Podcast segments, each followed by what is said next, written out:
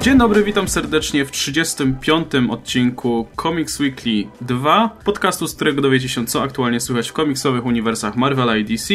Ze mną jak co tydzień jest Adam Antolski, Ankon Mruwa. Hej wszystkim. I Oskar Rogowski, komiksomaniak. Cześć wam. Tak nie mrawo trochę, bo tutaj wszyscy pochorowali niestety po wojażach z zeszłego weekendu, no ale jesteśmy tutaj z wami i zaczniemy może od tego, o czym nie powiemy, tak dla odmiany. Nie powiemy w tym odcinku o New York, New York Comic Conie, który się właśnie co zaczyna, kiedy nagrywamy ten podcast podcast, e, bo pomyśleliśmy, że po prostu w przyszłym tygodniu sobie omówimy na spokojnie już to, co uznamy za najciekawsze. E, i nie pomówimy sobie o Luke'u Cage'u, bo ja na przykład nie zdążyłem jeszcze obejrzeć całości, więc trochę bez sensu. No i mamy jeszcze oczywiście jedynkę Cage'a, Gendiego Tartakowskiego i myślę, że to też sobie przełożymy następny tydzień. Już pomówimy sobie wtedy chyba dłużej o Cage'u po prostu. Mamy eksperta tutaj w ekipie, więc, więc popytamy, co warto czytać i tak dalej. Tymczasem możemy sobie przejść do rzeczy, o których chcemy powiedzieć w tym tygodniu. E, a pierwszy temat, który mi tutaj, no był w zasadzie tematem numer jeden, zarówno tutaj w komiksach, jak i w, jak i w tym świadku filmowym, to e, no fakt, że mutanci tutaj wracają do łask. Po pierwsze, dostaliśmy informację o wreszcie tym trzecim filmie z Wolverinem solowym, który będzie zwał się Logan. Wygląda na to, że nie będzie przełożony, chociaż wszyscy stawialiśmy, że będzie obsuwa, a tutaj na razie wszystko wygląda na to pro na tą premierę marcową. Tak, 3 marca zdaje się.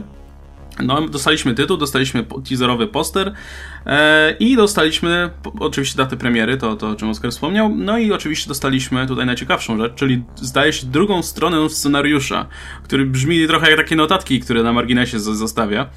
E, jest taki bardzo luźno napisany, bo to, to jest, to, na tej drugiej stronie mamy otwierającą scenę w zasadzie i tam nie ma żadnych dialogów, jest w zasadzie dwie kwestie, które Wolverine wypowiada, z czego jedna to fuck, yeah, a druga so to, a druga to tak więc wiemy, że to będzie Erka, a druga kwestia to jest come on you guys, więc no, no nie, na pewno myślę tutaj e, zbyt dużo nam ten, ten fragmencik nie zdradza, ale zdradza nam tutaj uwagi właśnie w tych um, odnośnie tonu powiedzmy filmu, że będzie krew, będzie się działo, będą walki i w ogóle Wolverine jest tak stary, że że, e, że wszystko boli przez healing fa factor. No, brzmi to, znaczy może to nie brzmi dla mnie jak lata 90. konkretnie, ale brzmi jak taki powrót do, do pięknych początku lat właśnie 2000, do startu Ultimate Universe, kiedy wszystko właśnie musiało być takie brutalne i takie poważne i tak dalej. No, taki w sumie nawrót właśnie z początku lat 90., jakby nie patrzeć ale no jasno tutaj widzimy, że będą tutaj forsować tą Erkę jako tutaj główny punkt marketingowy, że będzie brutalnie, będzie krwawo.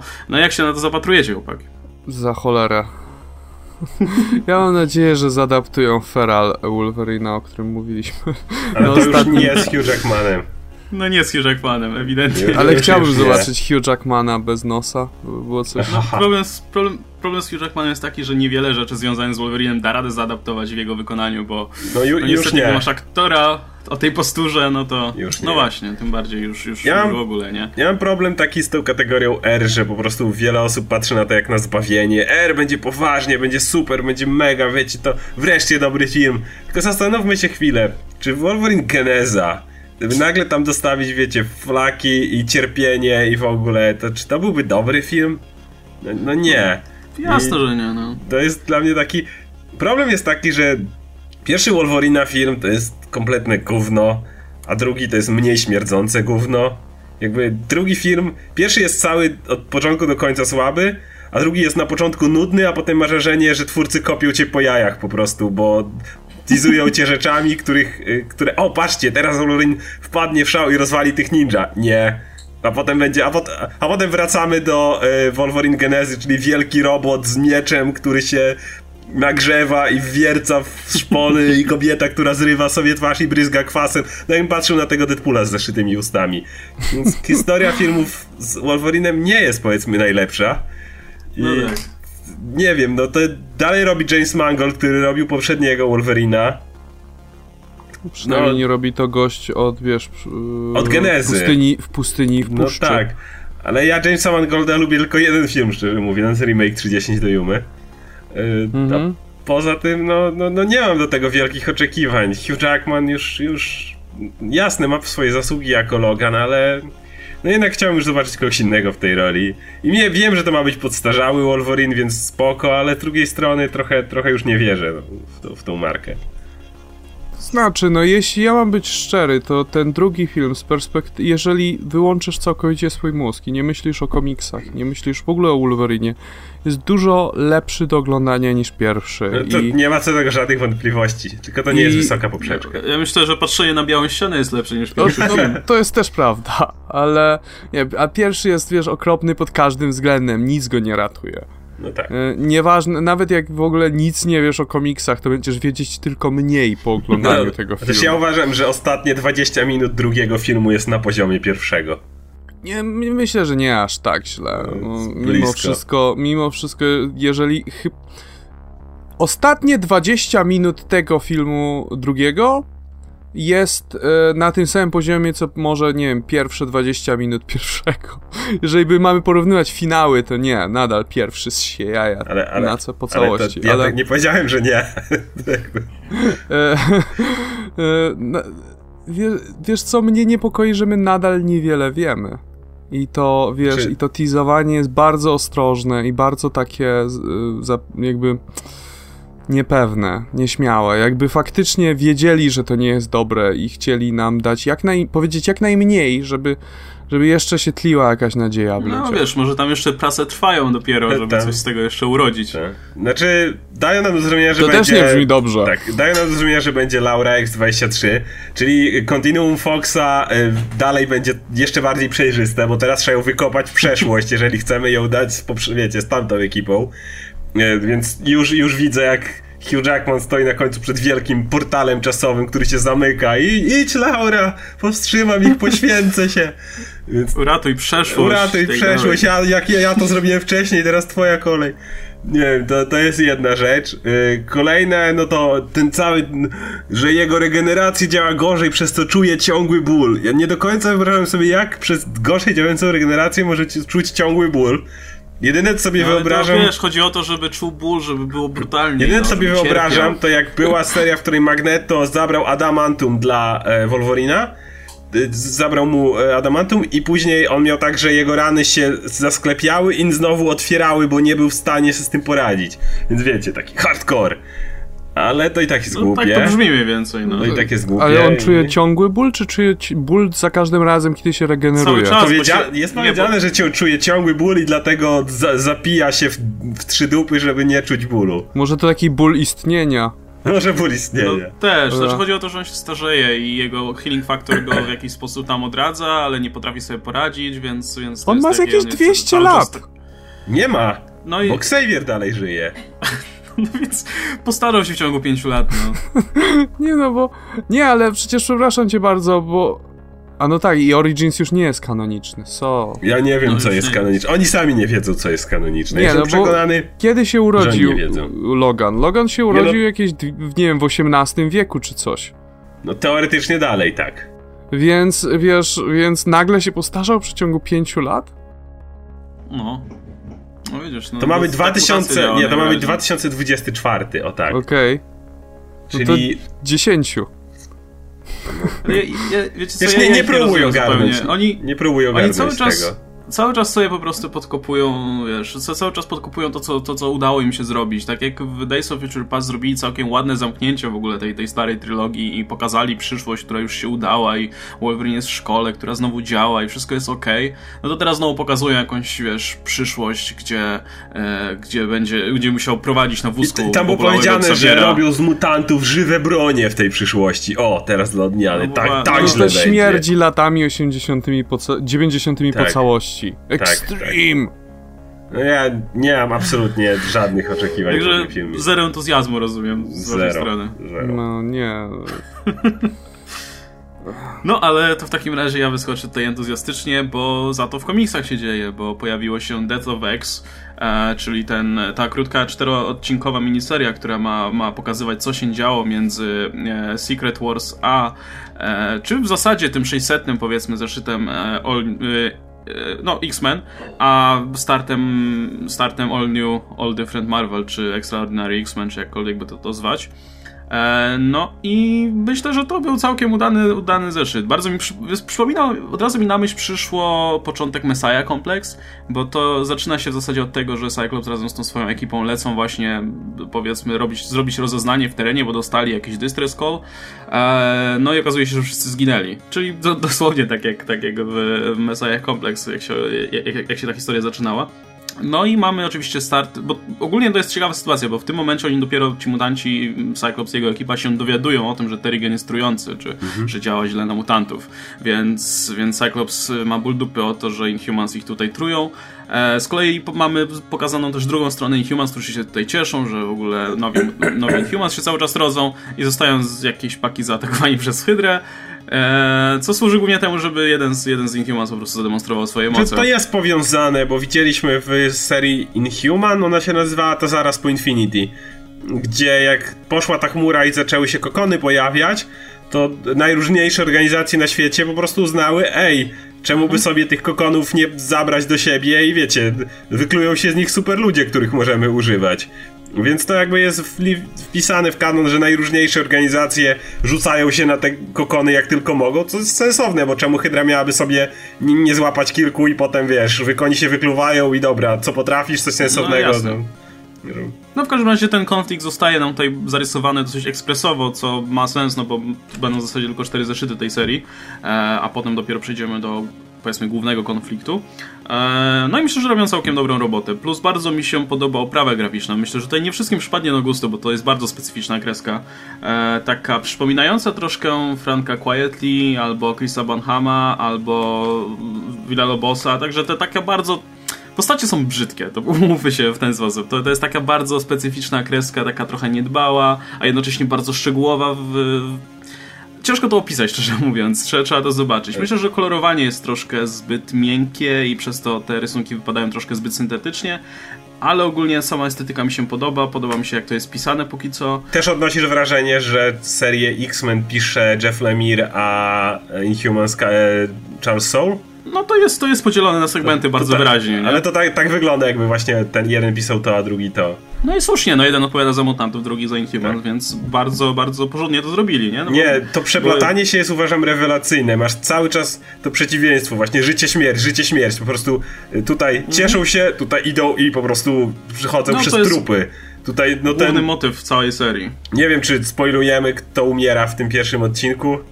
E, powiedzmy tylko, że umiera bardzo lubiany Tak, i, to, nie jest, to nie jest taka mała popularny postać. mutant. Powiedzmy, że to nie jest postać z pierwszej półki, którą wszyscy absolutnie będą kojarzyć, ale zaraz Która po. na pewno ma swoich fanów. Tak, na... Która na pewno ma dużo fanów po. takich, bo była powiedzmy długoletnim bohaterem pewnej bardzo lubianej tak. przez pewne grono osób w serii. E, no i trochę mnie boli serduszko, bo nigdy nie lubię, jak, jak lubiane przeze mnie postacie no giną i na potrzeby historii po tak prostu. pokazana naprawdę brutalnie. No tak, ale jednocześnie potrafię wymyślić 15 sposobów, żeby, żeby go przywrócić do życia. Potrzeby, pewnie, więc... Tak. Natomiast też myślę, że Cyclops trochę też, nam też zaatizowali to, że Cyclops po prostu chyba zginie od samego Terrigenu. Chociaż wiesz co, właśnie mam parę, mam parę takich uwag, które jakby nie są związane z moją oceną ogólną tego zeszytu, bo mówię, oceniam bardzo pozytywnie. Jako no ja tak sobie uważam, że rewelacyjny. Czekający, czekający bardzo długo. O właśnie, bardzo mi się podoba, że postacie są wreszcie portretowane tak jak powinny być. Emma jest odpowiednio, Beachy, e, Cyclops jest, jest. jest odpowiednim liderem Także no, no to jest bardzo dobrze zrobione. Ma magik wkurza to, że traktują ją jak taksówkę. Tak, no, a jednocześnie ma też swoje zdanie i tak dalej. E, ale mam parę takich rzeczy właśnie, które mnie trochę dziwią. Po pierwsze to jest to, czemu w drużynie jest Gold Balls, a nie ma na przykład triadża, który mógłby, wiesz, uzdrowić kogoś po drodze w razie potrzeby, albo zostać na statku i na przykład mogliby przeprowadzić, wiesz, kogoś do uzdrowienia. Pamiętaj, że wiesz, gość pod... triadż się wycofał. E, nie wiemy dokładnie na którym etapie, ale on odszedł i kiedy go w tej gównianej no serii no właśnie... Karenabana znajdują, to on jest tak mocno wycofany, więc nie niewykluczone, że to już to się prawda. stało. Tak, tylko właśnie nie wiemy za bardzo, co się wydarzyło, czemu ta ekipa wygląda jak wygląda, czemu tej ekipie na przykład jest Iceman, nie? który miał, miał sporą kosę z Cyclopsem. Tak, ale pamiętaj... Bardzo mocno. Też się na tym no, zastanawiałem. I oni niby potem się skumali i, i ten, ale wydaje mi się, że. Czemu tylko Iceman na przykład? Czemu nie ma nikogo innego? Bo to tej, jest tylko misja na rozeznanie. Oni lecą w pokojowy, na pokojowy grunt, lecą na Mura, Mura Island, które jest znane z y, pomocy mutantom. Tam zawsze Moira miała swoją placówkę. Jest Distress Call, który jest dosyć niejasny, ale znowu wiedzą, że tam są ich ludzie na miejscu. Zwróć uwagę, że ten urywany distress call jest dopiero kiedy oni już są w powietrzu. Ja widzę to jako bardziej misję taką rozeznania, zwiadu. A dlaczego jest Iceman i dlaczego tak samo mógłby się stanowić, on dzwoni natychmiast do Bista? Ale pamiętaj, że to jest... Właśnie, i z kolei na przykład Beast jest zdziwiony, czemu dzwonisz do mnie, w sensie nie spodziewałbym się ciebie. Tak, ale nie? pamiętaj, że to jest to... też po, już po pokojowej manifestacji Cyclopsa, już po no tej, tak, kiedy tak, właśnie... on trochę jednak już zdążył zaleczyć te rany pomiędzy mutantami, no, trochę zaleczyć, ich scalił. ale czemu, czemu, wiesz, czemu jednocześnie jest Iceman w ekipie i wszystko jest spoko, a Dlatego, a że Bista na końcu wyrzucili. Dlatego, że ten komik skończył się tym, że no Bista fakt. wykopali przecież. E, a faktycznie, w sumie racja. Beast pewnie dostanie swój redemption story dopiero, no, dopiero więc... przy okazji wyleczenia Terigenu wszystkich, znając rzeczy. Więc to bardziej sensowne, że on jest z Icemanem, a Beast się dziwi, no bo to Beast jest tym wyrzutkiem teraz. Także no to ma sens. Okej, okay, to, ma, to ma faktycznie sens. No dobra, to myślę, że, że, że tyle jeśli chodzi o X. Też się nie chcę rozgadywać, ale póki co bardzo mi się podoba. Myślę, że mm -hmm. wrócę tutaj, wrócimy do tematu przy okazji kolejnych zeszytów albo w ogóle finału. Tak. Póki co naprawdę pozytywnie jestem nastawiony. No, jak na taki okres czekania, aż Cyclops i jego ekipa wróci, to, to jestem zadowolony. A zresztą Storm widzę na przykład na okładce, więc prędzej czy później się pojawi, także okej. Okay. I mało to kogo interesuje, ale Inhumans też są dobrze pisani. No, to tak. Niech będzie. Dobra. E, także Adam, jak nie czytałeś, to przeczytaj po Chętnie. Słucham właśnie tutaj z uwagą. Podoba mi, się, podoba mi się przede wszystkim to, co powiedziałeś o kresce, bo bardzo lubię coś takiego. E, jak jest właśnie tego typu bardzo detaliczna kreska, gdzie postacie są przedstawione w lekkiej karykaturze, gdzie nie są, no nie jest, są idealnie jest. ładni. I jest ta symetria Pamiętam jak Adam mówiłeś, Civil War 2 było Magneto, nie Magneto, tylko X-Men. Mówiłeś właśnie o tym, że Magneto wspominał, że to jest dla nich życie, dla nich śmierć, to ta symetria w tym komiksie jest dokładnie tak przedstawiona. Masz mniej więcej dwie strony dla jednych, dwie dla drugich, tak, a potem jedna i co, coraz bliżej jakby, wiesz, coraz bardziej się przeplatają, żeby cały czas dawać do zrozumienia, że jest to symetria odwrócona powiedzmy, więc... Brzmi no. bardzo dobrze, więc chętnie przeczytam. Zresztą bardzo lubię X-Menów, więc z chęcią. To jest w mojej kolejce. Ja tak właśnie jeszcze przeglądam ten zeszyt. Jeszcze jedna rzecz odnośnie oprawy graficznej to jest to, że, e, że Aaron Kuder bardzo lubi, widzę, takie bardzo duże e, splash page, takie bardzo duże panele, które dużo pokazują. Także dosyć efektownie to wygląda na pewno. Jest, jest miejsce dla niego, żeby tutaj się popisać. A, także, no, mówię, a to nie jest jednocześnie taki typowy komiksowy pseudorealizm, więc, więc nie każdemu przypasuje, ale mi się bardzo podobało. No dobra. E, to przejdźmy sobie w takim razie jeszcze do innego komiksu, który nam się tutaj bardzo podobał, czyli, a jednocześnie od tego, od, wyjdziemy sobie od tego do, do jakiegoś tam szerszego kontekstu, czyli coś, co mnie zaskoczyło, szczerze mówiąc, nie spodziewałem się, że będzie tak dobre, czyli Champions, zeszyt pierwszy. Bo, no jasne, to jest Mark Waid, więc jakby pewnego poziomu się trzeba spodziewać, ale All New, All Different Avengers mnie tam nigdy specjalnie nie, nie, nie podjerało. E, było ok, ale jakoś mnie nie ruszyło nigdy. Nie była to nigdy seria, po którą bym sięgał jako pierwszą, ale tutaj jest, jest dużo pod tym względem lepiej, więc to jest seria, która dzieje się już po Civil War 2, więc możemy się troszkę tutaj domyślać w wyniku tej potyczki. A, a na pewno... tematem numer jeden jest jak ssało Civil War 2. Tak, generalnie motyw jest taki, że mamy tych młodych bohaterów. E, tutaj ekipa się dopiero zbiera powoli.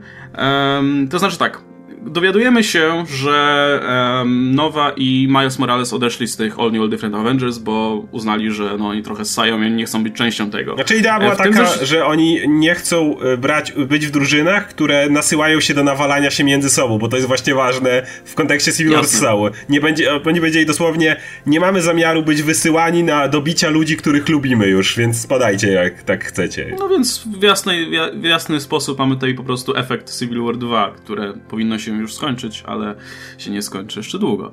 E, no i w tym zeszycie jeszcze poznajemy przyczyny odejścia Miss Marvel, która z tej ekipy właśnie Avengers też odchodzi. No i młodzi tutaj bohaterowie się dogadują, stwierdzają, że oczywiście nie tak, ja to tak bardzo upraszczam, to nie, nie jest takie tutaj łatwe, ale oni stwierdzają, że po prostu założą swoją własną ekipę. E, że oni sami po prostu na swój sposób będą pomagać, pomagać ludziom tak, jak oni uważają, że jest słusznie. No i do, do po prostu szybko angażują do składu również Hulka, czyli Amadeusa Cho. Amadeus Cho mm, angażuje do składu Viv, czyli tą córkę Vision.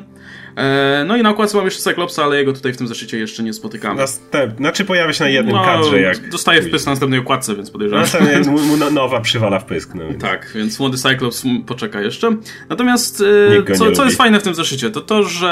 E, bardzo podoba mi się to, że to są tacy bardzo tacy czyści i ideowi bohaterowie. Po prostu to jest grupka bohaterów, która stwierdza, że chce, no chce wrócić jakby do korzeni bycia po prostu dobrym. Tak. Pomagania ludziom, e, pomagania ludziom nie tylko waląc z pięści kosmitów, którzy atakują Ziemię, ale też sprzątając po sobie, pomagając Właśnie ludziom to, to posprzątać jest, to, to wszystko. Jest świetne, to jest główny motyw Kamali, kiedy Kamala po prostu nie może znieść, bo Kamala zawsze jak się czytało jej komiksy, ona bardzo troszczy się o te swoje Jersey City i ona zawsze troszczy się o jakby codzienne życie tam ludzi. I kiedy, a widzi po raz kolejny starcie, w którym Avengers się napierdzielają, zostawiając pół miasta rozwalonego, to po prostu już nie może znieść tego, że okej, okay, powstrzymaliśmy złoczyńców, ale, przy, ale jakby cała masa ludzi straciła, nie wiem, swoje sklepy i swoje sposoby na, na, na życie. I to jest dla Kamali bardzo, bardzo ważne. I to jest fajne w tym komiksie, jak oni ratują górników z szybu, z kopalni, która się zawala, to pierwsza rzecz, jaką Kamala mówi, że okej, okay, pójdziemy zrekrutować kolejną osobę, ale najpierw odbudujmy chociaż ten szyb, który się zawalił. Mają Halka w drużynie, mają nowe, mają ją samą, która może się rozciągnąć. Naprawienie dla nich szybu jest na pewno łatwiejsze niż dla, wiesz, ludzi, którzy by tu przyjechali, dlatego jakby ona widzi, że to ma sens.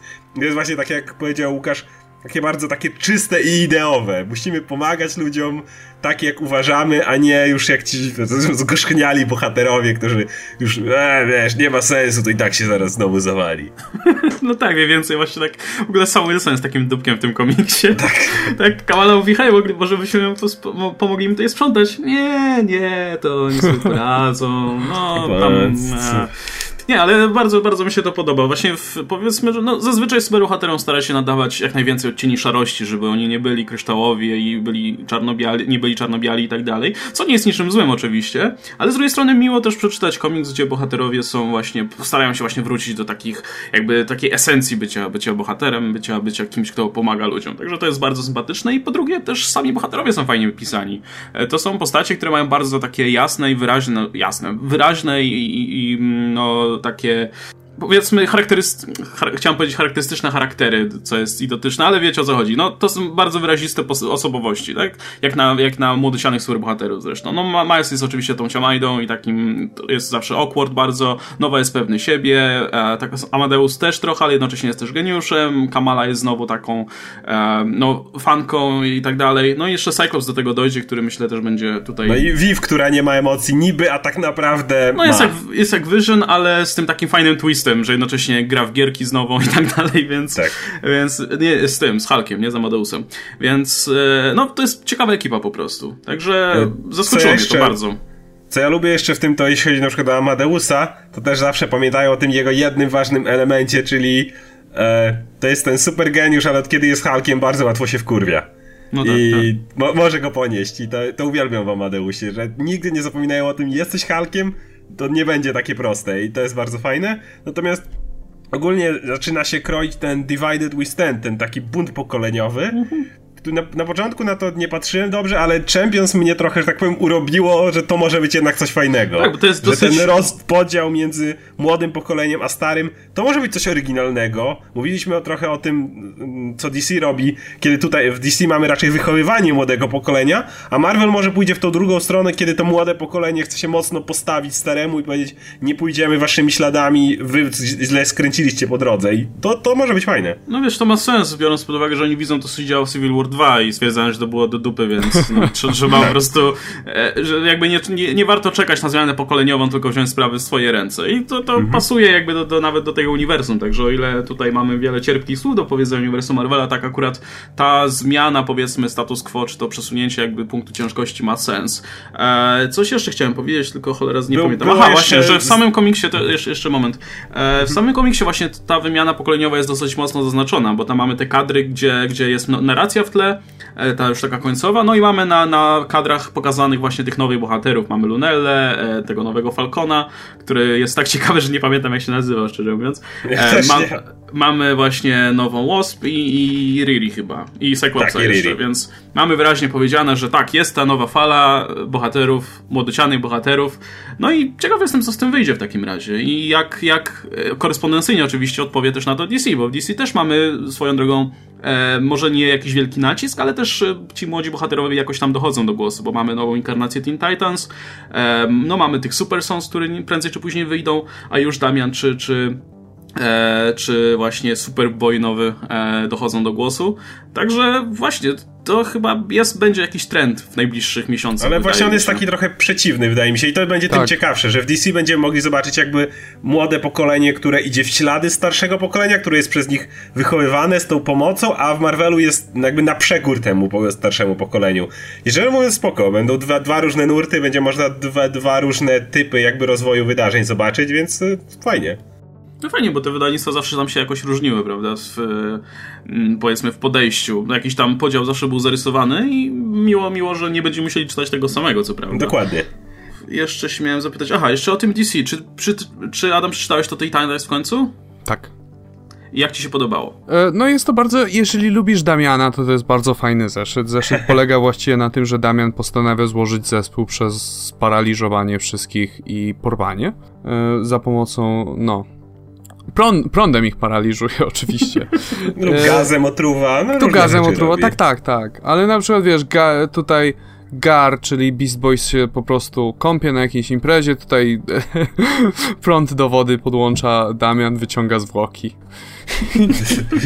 Jest, jest aset do zespołu. Troszeczkę to jest, e, troszeczkę ciężko powiedzieć coś konkretnego, dlatego że to jest po prostu takie krótkie scenki, jak Damian jest zajebisty i wszystkich porywa. E, A reszta ale... to ekspozycja. A reszta Nie, to nie. ekspozycja, gdzie poznajesz jak gdyby każdy, każdą postać z bohaterów i co właśnie robi, co robiła do tej pory. I, i, I to się po prostu kończy do tego, że są stają siłą zmuszeni do e, wstąpienia do Teen Titans A- Damiana. Co jak się podobała ekspozycja Kid Flasha? podobała mi się. Nie, ona była fatalna, nudna, ale Dlaczego? no cóż. Nie wiem, ta, ta, ta postać mnie jakoś strasznie nudzi cały czas i, i w ogóle mnie nie interesowało to jego, jego cały ten prze, przemyślenia nad własnym życiem. No. Właśnie ja tak jakby nie zwróciłem uwagi jeszcze, czy on ma to, bo on i- ma, przepraszam, bo mu wy, e, bo mu wy e, postanowili przy nowym designie dać głupi piorun na głowie. I wygląda jak taki odwrotny Harry Potter, gdzie Harry Potter miał na czole, a to ma idzie, idzie z czoła w głąb głowy. I wygląda to strasznie śmiesznie. E, szczerze wiesz co, ja to kupiłem jako część zespołu. W sensie część, część ca całej całego pakietu. E, Kid Flash taki jest. On zawsze taki był.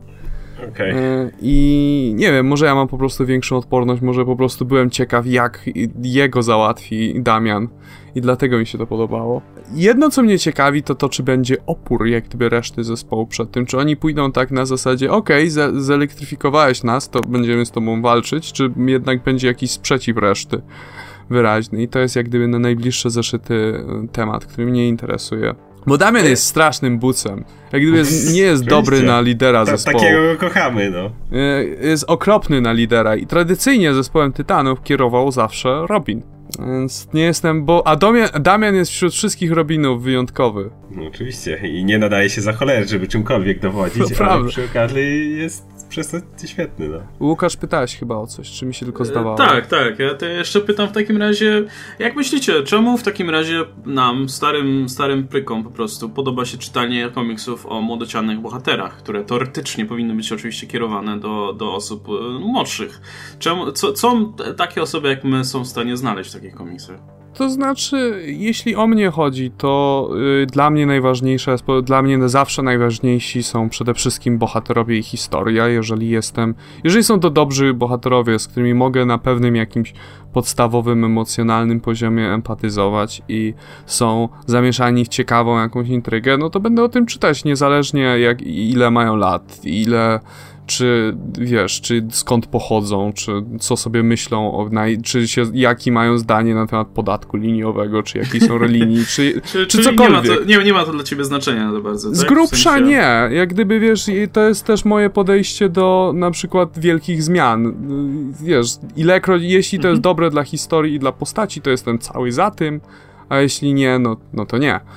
E, I nie, prawdę mówiąc, z punktu widzenia jako czytelnik raczej nie mam takich wielkich potrzeb. Aczkolwiek e, jest coś e, typowego, jest coś w postaciach młodych, które, czego nie masz przy postaciach starych i na odwrót też, przy starszych postaciach znajdujesz rzeczy, których nie ma tutaj i to jest taka właśnie dopiero nie wiem jak to nazwać, taka ciamajdowatość, czy pewne, pewna większa nieporadność w radzeniu sobie z zadaniami superbohatera, co jest, na, jest dużo ciekawsze, bo jak gdyby znacznie zwiększa emocje w momencie, jak im się nie powodzi. Jesteś, łatwiej ci uwierzyć w to, że e, Robin dostanie w tyłek i będzie, wiesz, ranny albo martwy, niż gdyby to był Batman, prawda?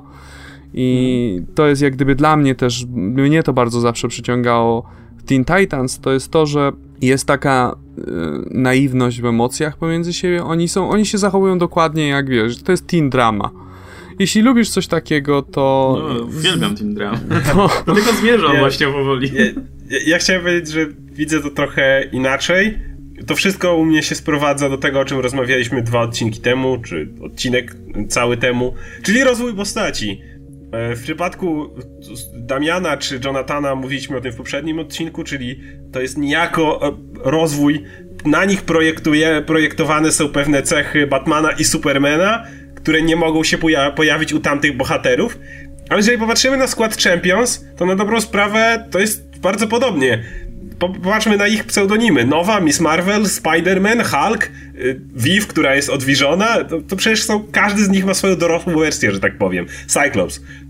Każdy z nich ma jakąś swoją dorosłą wersję i tak jak wspomniał Adam, te dorosłe wersje już nie mogą popełniać tych pewnych błędów, już trochę im nie przystoi. No, nie, nie, nie mogą już być tacy ciamajdowaci, nie mogą mieć już tych samych dylematów, bo już to przeszli jakby.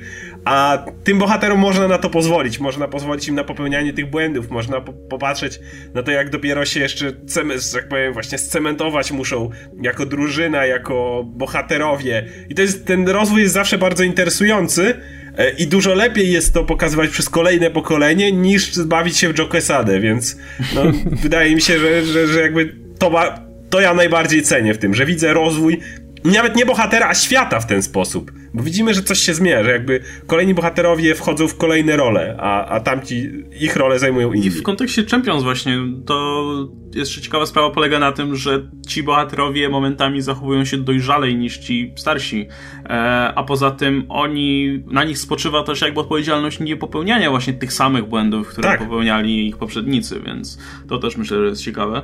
Jest jeszcze Natomiast, jedna rzecz. Jest no, jeszcze no. jedna rzecz, o której chciałem powiedzieć i to troszeczkę Oscar poruszył. To jest kwestia tego, że to są jak gdyby alternatywne wersje tych samych postaci.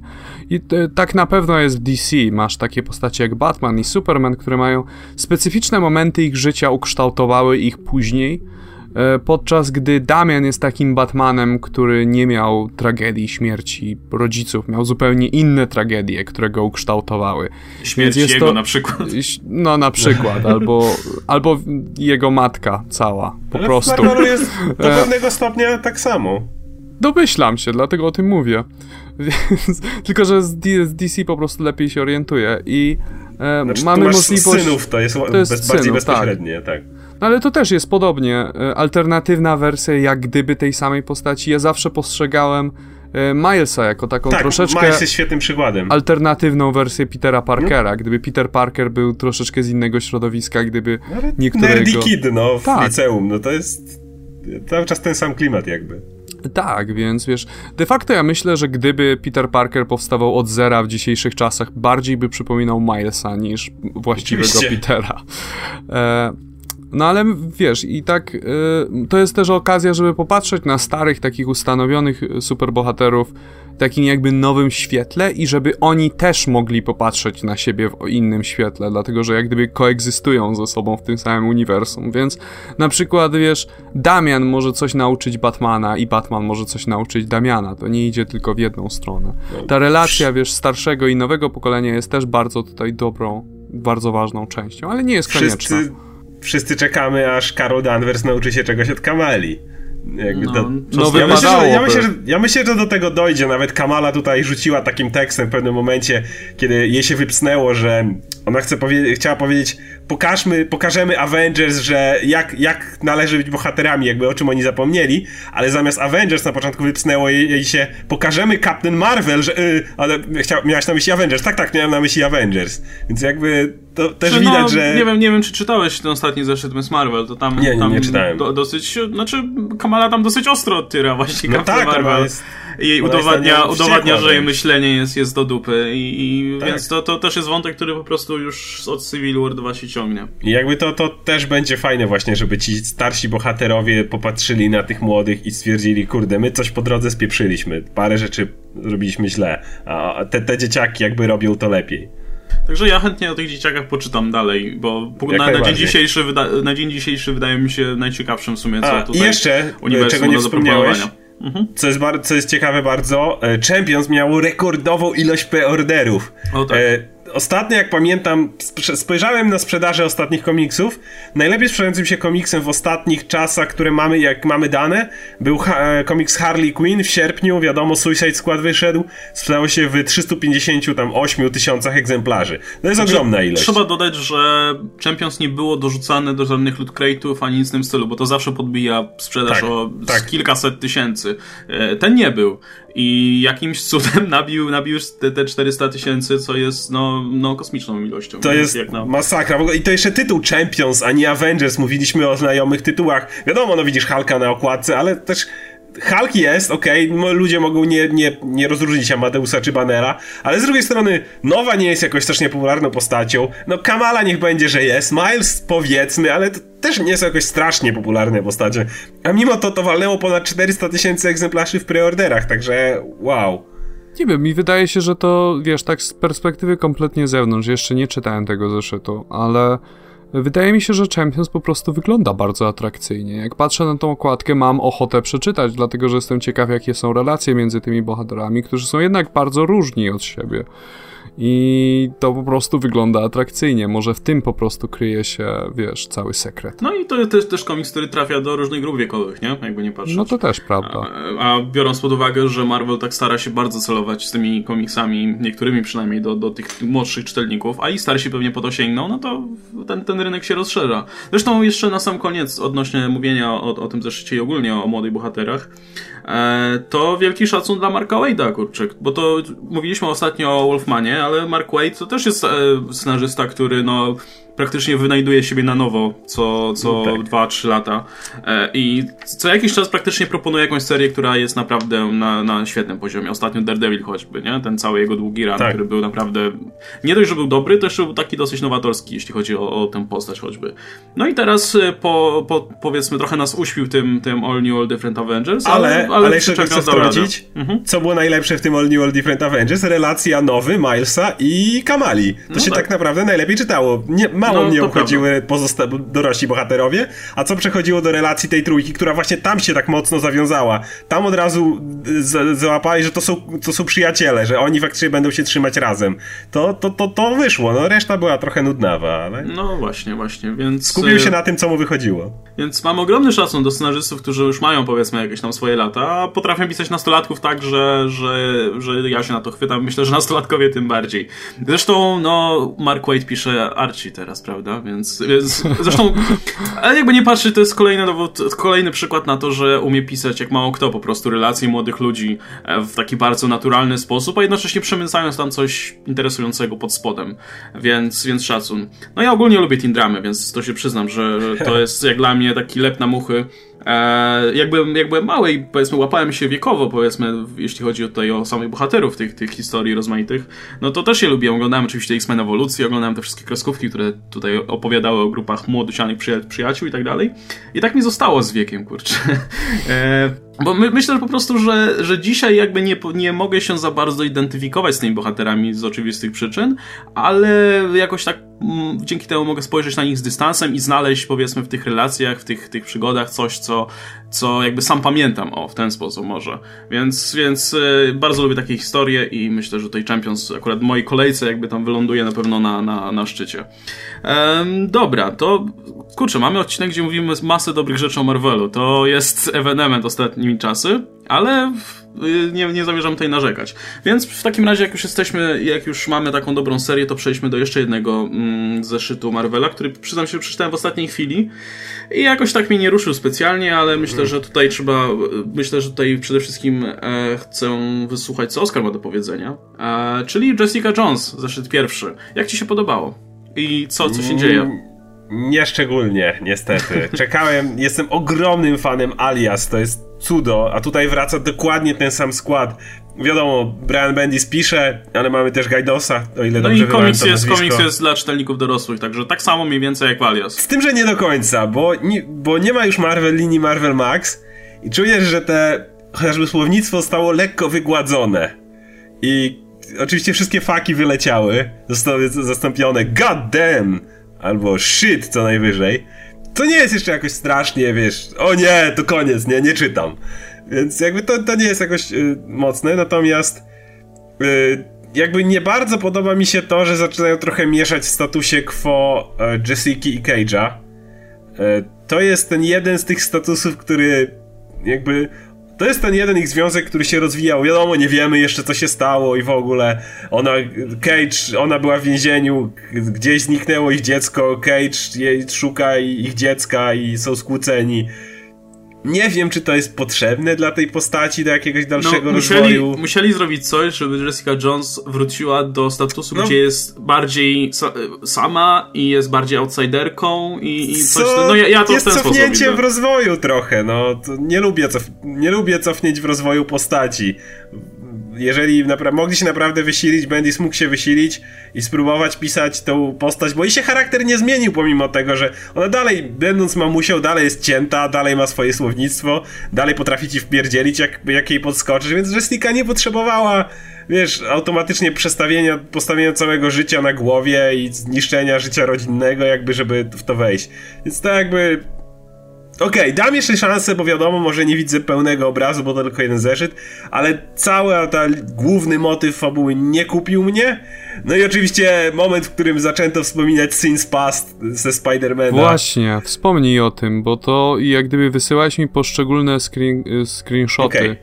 I ja no jak więc... gdyby tak patrzę na to i co? To było dziwne, bardzo dziwne. Przychodzi kobieta, która e, chce wynająć Jessica, żeby spadała sprawa jej męża którym od 6 miesięcy jakby mówi, że y, nie jest jej mężem, że jest tutaj dopiero 6 miesięcy, a tak naprawdę miał żonę o imieniu Gwen, razem mieli córkę o imieniu Norma i powtarza, że Peter Parker jest kłamcą.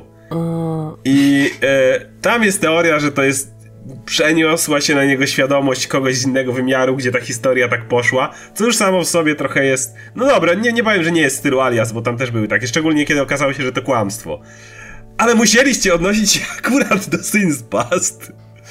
Także to dodatkowy minus za to. No, no póki co nie jestem kupiony. Alias uwielbiałem, dam szansę, ale ten komiks raczej negatywne we mnie wywołał em, jakieś takie emocje i zdanie niż, niż pozytywne.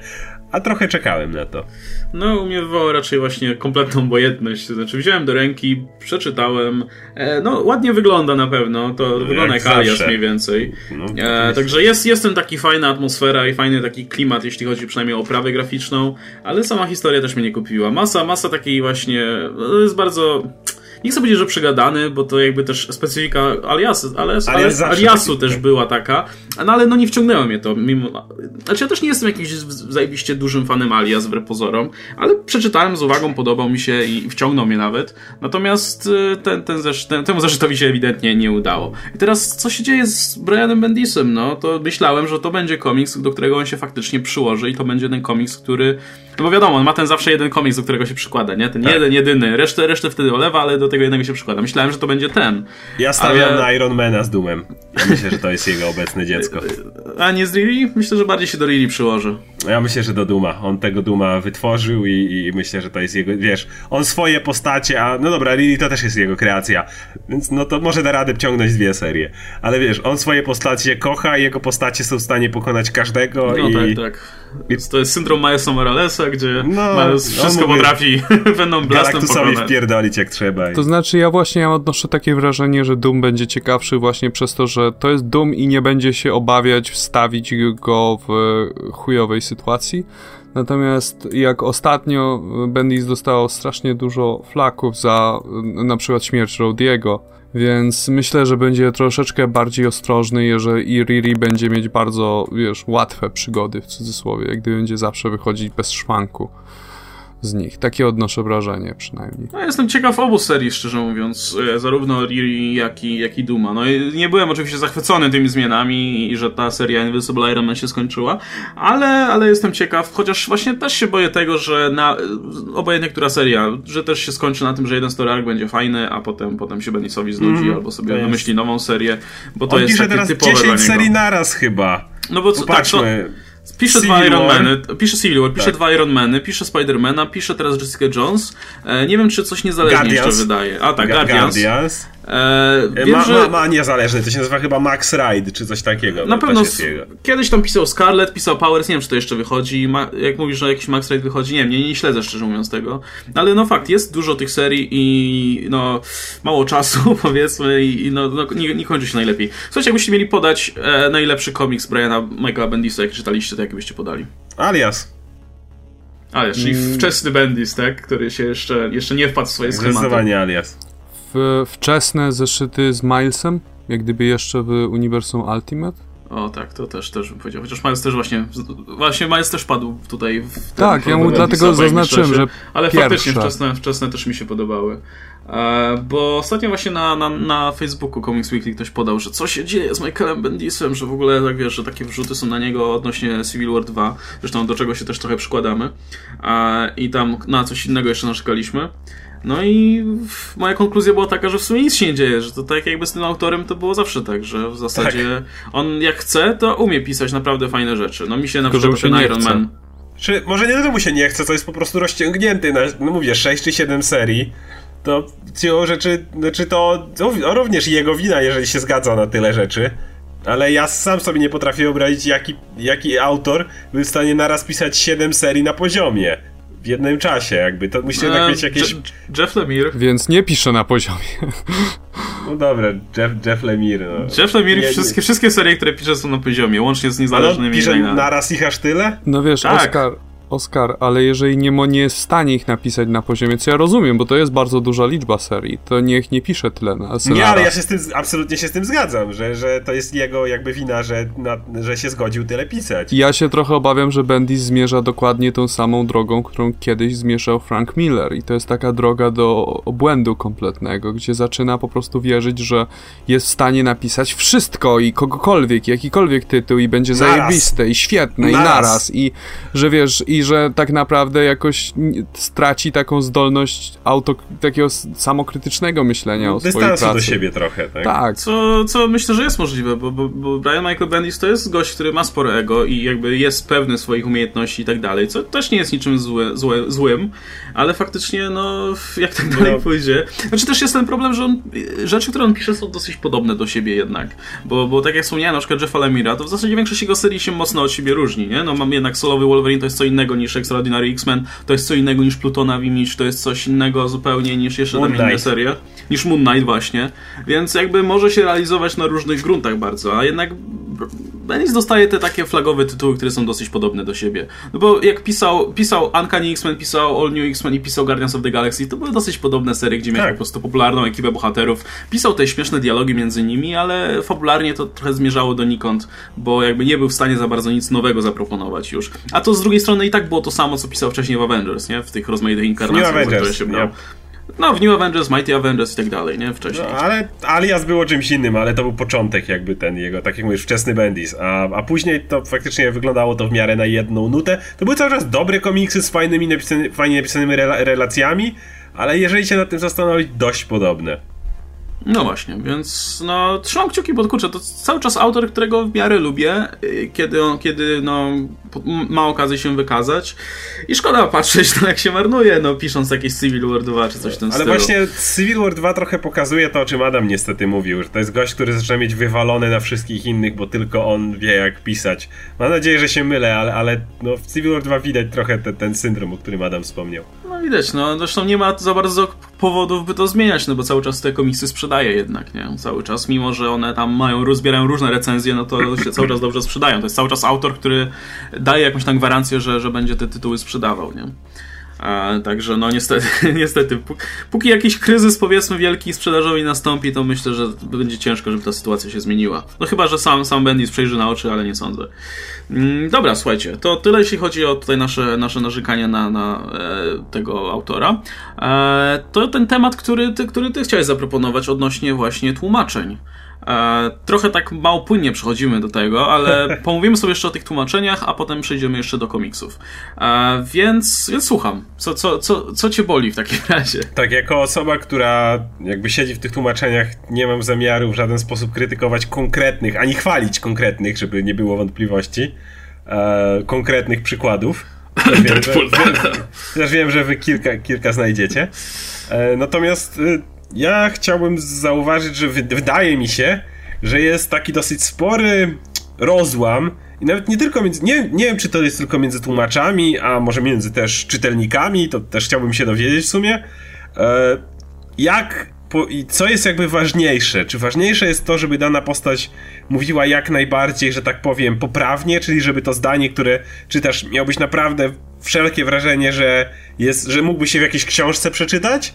Czy raczej, żeby mówiła w ten sposób, jak często słyszysz ludzi na ulicy mówiących. Ludzie na ulicy mówiący nie zawsze e, nie zawsze mówią poprawną polszczyzną, często mówią potocznie, tak, no, popełniają błędy językowe, ale z drugiej strony brzmi to wtedy bardziej naturalnie. To jest faktycznie coś, co słyszysz na ulicy. Jakby mnie zastanawia to, co jest ważniejsze, bo ja mam jakby swoje zdanie, ale najpierw chciałbym jeszcze was posłuchać na ten temat. Ja chciałem mówiliśmy, Aha, ja, ja, ja, tak króciutko tylko, bo mówiliśmy wcześniej o, o właśnie Brianie Bendisie i to, to jest dobry przykład, bo, bo Bendis zawsze pisał swoje dialogi w taki...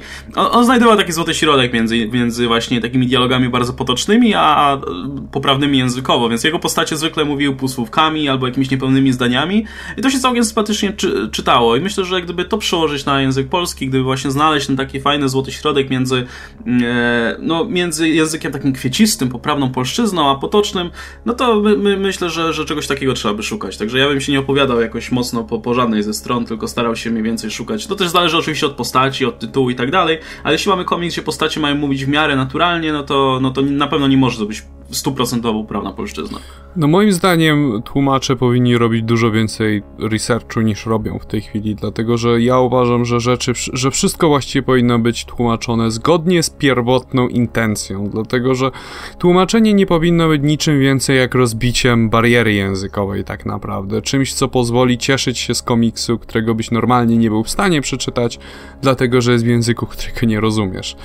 I e, w momencie, jeżeli pierwotna intencja dotycząca dialogów określonej postaci jest taka, żeby gadała jak wiesz, jak, e, jak dres jakiś, czy, czy czy jakkolwiek to nazwiesz, czy jakiś, wiesz, ktoś z ulicy, no to, to po, polska edycja powinna to wziąć pod uwagę i powinien mówić jak człowiek z ulicy.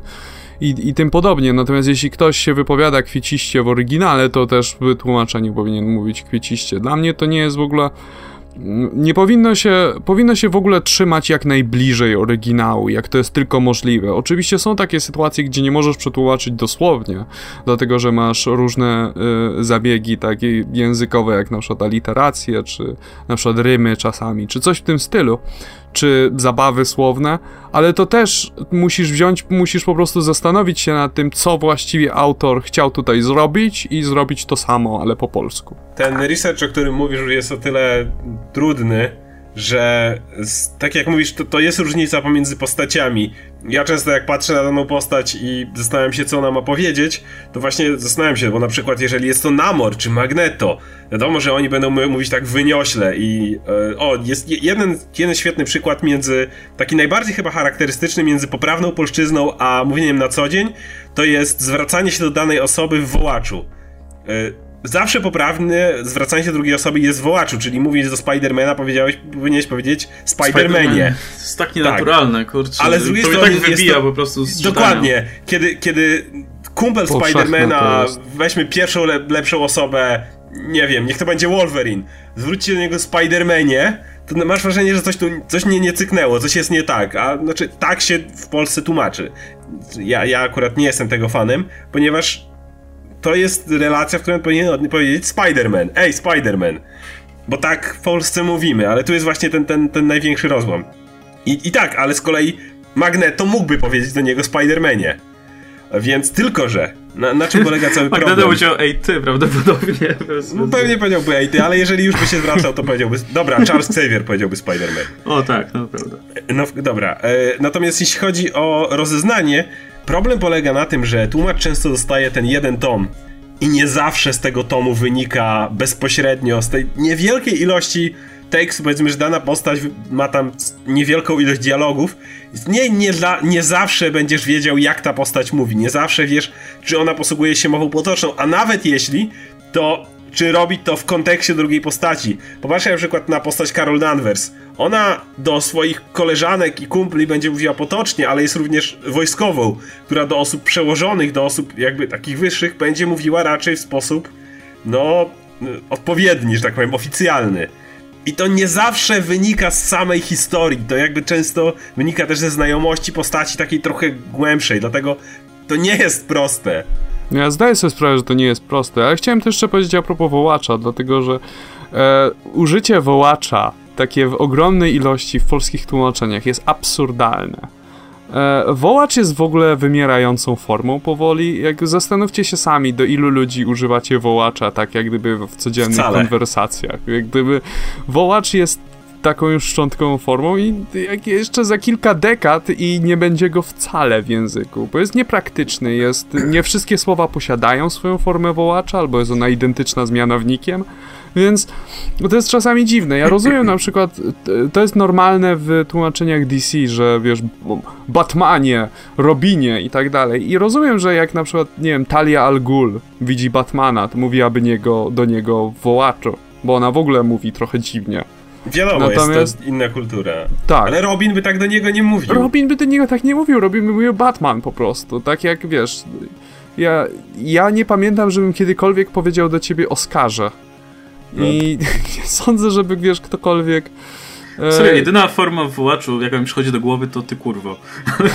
Nic więcej. Ale, ale, ale teraz wspomniałeś, to na przykład zależy który, bo mówiliśmy o tym, że jest jeden wyjątkowy Robin, który mówiłby do ludzi w wołaczu. Tak mi się wydaje przynajmniej. Damian Wayne myślę, że mógłby posługiwać się wołaczem. No ale to jest ten sam powód, dla którego Talia Al Ghul by mówiła tak, wołaczem, tak, dlatego, że tak. mówi no, trochę ale, dziwnie, ale, bo jest trochę to dziwny. jednak bardzo skomplikowane. Naprawdę research, który nie wiem, byłby potrzebny, jakieś ściągawki, jakieś po prostu ta postać posługuje się, może, ta postać nie, ale w kontakcie ta postać z tą postacią już może mówić, no jest to, to nie jest, że tak powiem, dosyć oczywiste. Natomiast zgodzę się z tym, że wołacz jest formą, ja, której ja osobiście nie lubię, w komiksach szczególnie. Większość postaci jej nie używa. Podoba mi się bardzo to, co robią z Torem, niech będzie, że pochwalę, bo, bo ja nie mam nic wspólnego z Torem, e, czyli używanie staropolszczyzny w jego wypowiedziach. To jest na przykład bardzo ja fajny to się zabieg. jakby samo narzuca. A to jest, to jest bardzo fajny zabieg, Bo, który, wiesz, który mi się Thor- podoba. Thor mówi takim e, stylizowanym, średnioangielskim czy jakim, natomiast e, wiesz, no, odpowiednik najbliższy polski takiej starej mowy to Tak. by była staropolski i akurat jesteśmy na tyle szczęśliwi, że język staropolski jest na tyle blisko e, współczesnej polszczyzny, że można po prostu powie, powie, napisać coś po staropolsku i to jest nadal zrozumiałe. Ja osobiście E, bym wolał, żeby właśnie jednak, jednak zwrócić się trochę ku, w stronę tego potocznego języka, trochę mniej trzymać się tej literackiej. Właśnie chciałem bardzo się dowiedzieć przede wszystkim, co słuchacze o tym sądzą. E, żeby jednak, wiadomo, czytamy i czasami myślisz, okej, to nie jest wprawna polszczyzna, mówić, że tu te zdanie powinno być inaczej. Ja jestem zdania, że jednak chmurki, one nie są do, do końca mową potoczną, tak jak e, Łukasz powiedział wcześniej, że to nie jest tak do końca mowa potoczna, ale jednak wydaje mi się jest jej dużo bliżej niż do tej formy literackiej, u większości postaci przynajmniej. Wiesz co, no taka jest prawda, że wszyscy posługują się językiem potocznym w różnym stopniu.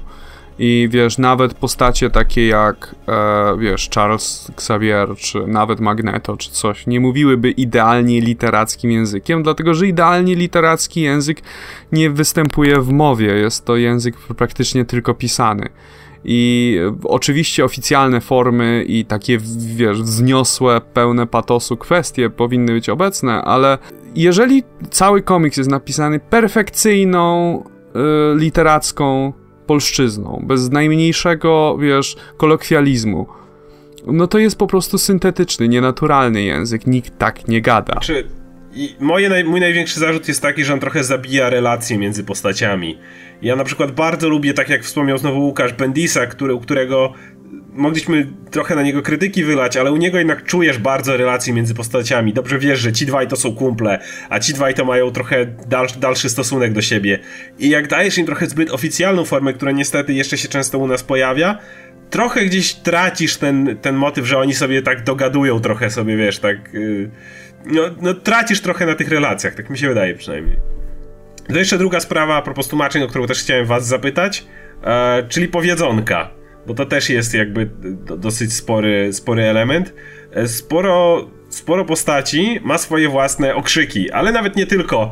E, Spider-Man mówi te swoje sp My Spider Sense is Tingling, czy no, to, to zostało, jeżeli dobrze przetłumaczone, dawno temu jeszcze w TM-semikach, e, jako pajęczy zmysł ostrzega mnie przed niebezpieczeństwem, jak dobrze to pamiętam. E, Pajęczy i- i zmysł masa- wibruje. I cała masa postaci ma te swoje różne takie powiedzonka, które jako takie nie występują w naturze lub bardzo rzadko występują w naturze.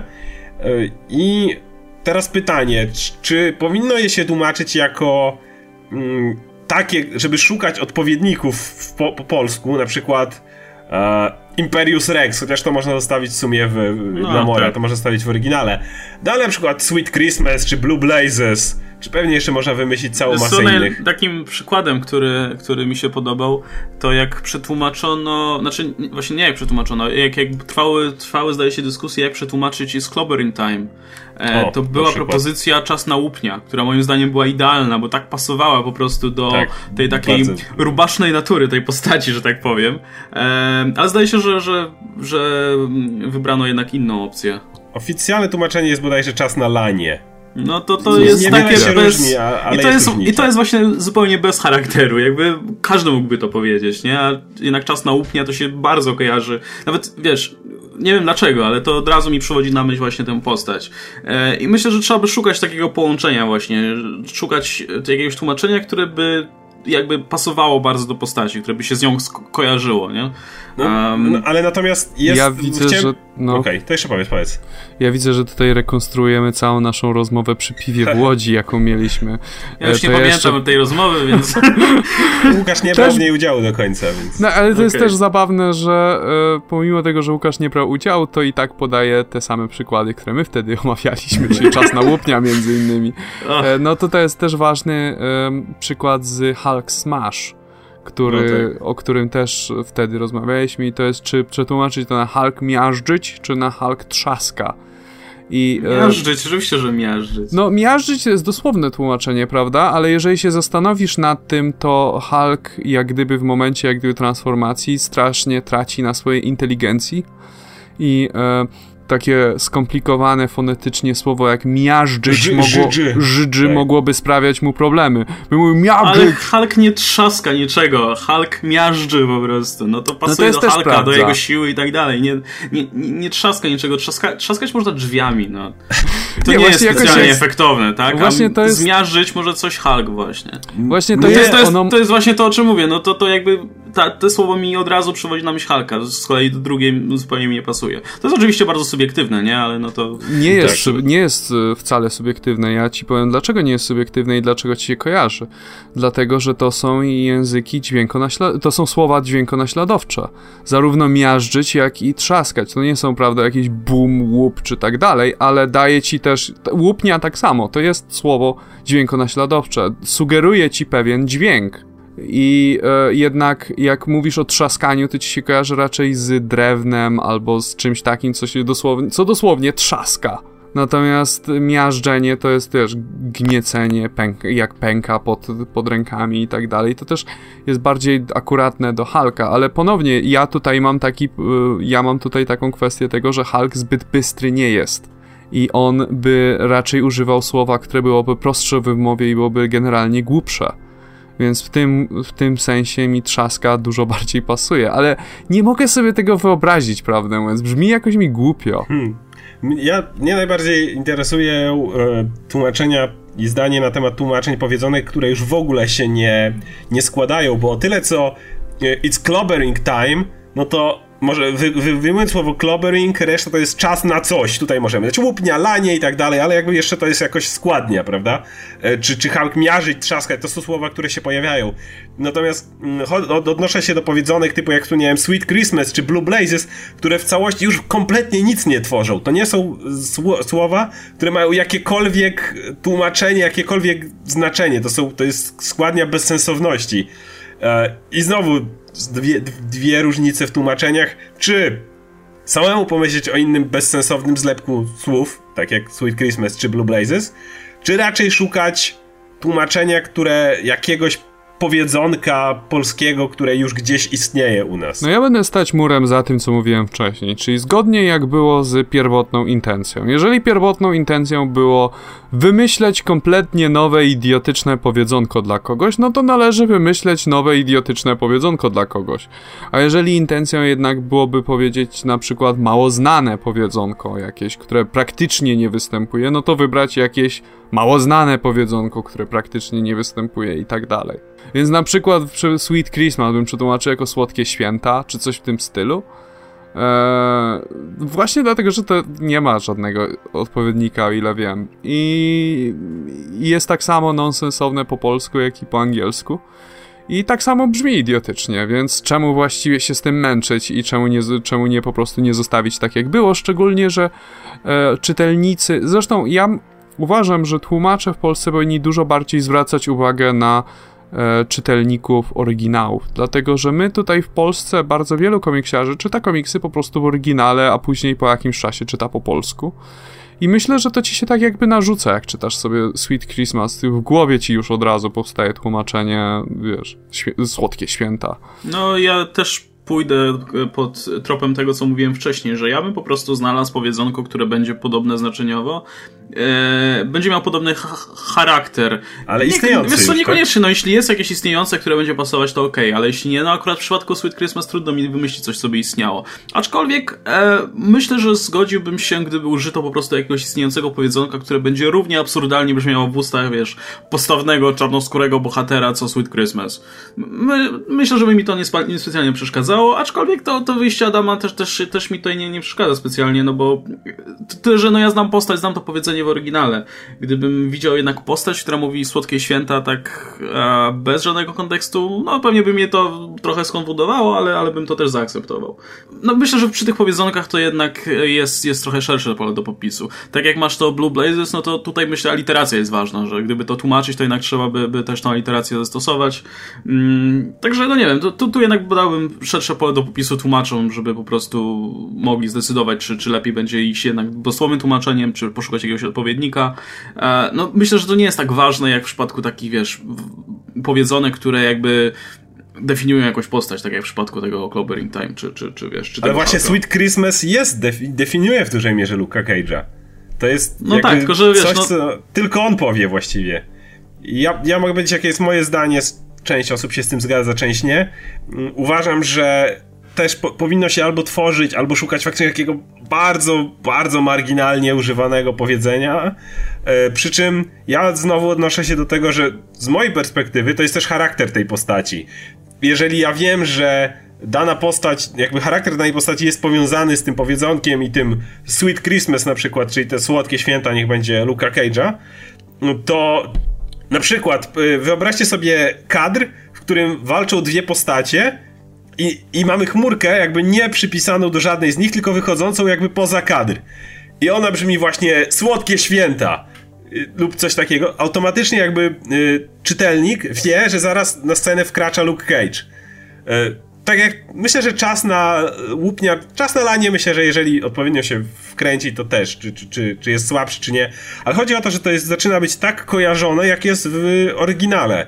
No, jeżeli dasz coś, co jest zbyt y, używane popularnie lub było kiedyś, to w ogóle inna sprawa, to jakby to się traci. Jeżeli damy jakąś, jakieś powiedzonko, które jest w miarę gdzieś tam jeszcze rozpoznawalne i które przede wszystkim mógłby wymówić inny bohater, no to taka chmurka jakby kompletnie nie ma tego efektu i z mojej perspektywy chodzi o to, żeby dane powiedzonko bardzo kojarzyło się z daną postacią, po to, żeby właśnie to wybrzmiało. Po to, żeby za każdym razem, tak jak czytam komiks o Luke'u Cage'u, czy o Nowi, jak wspomniałem, i widzę, jak jeden mówi Blue Blazes, a drugi mówi Sweet Christmas, to mam jednak lekki uśmiech na gębie, czy jak y, Tink krzyczy It's Clobbering Time, do tego stopnia jakby to się wgryzło, że wręcz inni bohaterowie krzyczą mu say it, say it, a on no niech będzie, it's clobbering time i, jakby wchodzi do akcji i wtedy jakby wszyscy się cieszymy trochę z tego powodu.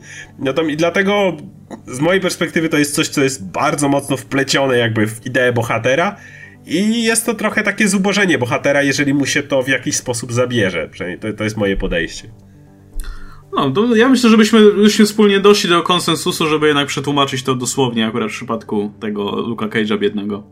No dobra, to w takim razie, zresztą no ja do tego wolę czytać jednak komiksy w oryginale. Przede wszystkim tutaj chciałem bardzo zapytać właśnie naszych słuchaczy, żeby się wypowiedzieli na ten temat, bo ja, ja, ja sam tłumaczę, ale jakby nie jestem jakimś autorytetem, więc po prostu interesuje mnie zdanie czytelników y, komiksów w tej kwestii. Tak was nie posłuchają, ale możecie się wypowiedzieć, więc śmiało. E, dobra, słuchajcie, to przejdźmy sobie w takim razie do komiksów, e, już powiedzmy samych komiksów ogólnie, bo zacznijmy może od komiksu dla mnie przynajmniej numer jeden w tym tygodniu, mimo tutaj obecności Champions czy, czy Death of X, które mi się podobały. E, no to dla mnie komiksem numer jeden jest Shade The Changing Girl, czyli kolejna pozycja z DC Young Animal. Jak dla mnie na razie ten imprint naprawdę, no, kopie dupę, bo ten komiks jest wow, jest, e, no robi wrażenie, jest świetnie napisany, świetnie zilustrowany. Nie wiem, czy, czy nasi czytelnicy kojarzą Shade, The Changing Man, prawdopodobnie nie. E, to była postać, którą stworzył Steve Ditko kiedyś, ale ona się specjalnie dobrze nie przyjęła i potem e, jakby... Jak wiele postaci, które Steve Ditko stworzył dla DC. Znaczy, to jest historia podobna troszkę, znaczy tu nie w odniesieniu do Steve'a Ditko, ale ogólnie to jest historia podobna jak z Doom Patrolem, tylko gorzej. To znaczy, to, to też był, była postać, która sobie istniała jakieś tam w latach 70 zdaje się, a potem o niej zapomniano i dopiero w latach 90 e, w ramach Vertigo do niej wrócono i Peter Milligan zdaje się do, do niej tak. podszedł na nowo zupełnie i stworzył nową inkarnację tej postaci, gdzie e, no, stworzył postać, która potrafiła jakby manipulować rzeczywistością, ale rzecz w tym, że on nie co jakiś czas nadawał nowe ciało, e, jakby wplatał ją zupełnie nową, nową osobowość, znaczy jakby ta sama osobowość wchodziła w nowe ciało, ale też nabywała cechy tego hosta, więc była to, to co jakiś czas zupełnie inna osoba. E, cecha charakterystyczna była taka, że to, ta postać zawsze miała ten swój płaszcz, który emitował tak. madness. E, no to był taki bardzo... Fest to się nazywało. Tak, M-West, później przemianowany. Znaczy, West, coś takiego. Tak, a później, później oczywiście Redcon, że, że to był Madness West, więc generalnie to, to, to był bardzo taki psychodeliczny komiks, który właśnie Peter Milligan współtworzył z Chrisem Bacalo, który się u nas już co jakiś czas pojawia, ostatnio rysuje choćby Doktora Strange'a, e, więc polecam. Znaczy ja, ja się przyznam, że nie przeczytałem tego, tego w całości, robiłem głównie research do tego odcinka i, i tak zerknąłem sobie do paru zeszytów i muszę powiedzieć, że mnie to wciągnęło. Bardzo mi się podoba, tak jak ten Doom Patrol Morrisona, tak, tak mniej więcej e, spodobał mi się ten Shade Changing Man. No i podobnie jak w przypadku Doom Patrolu, e, ta nowa seria bardzo mocno nawiązuje do tego okresu właśnie, do, do tego wcielenia minigana. E, bo mamy tutaj teraz, jak tu wyjaśnić fabułę tego komiksu? To jest, to jest wyzwanie.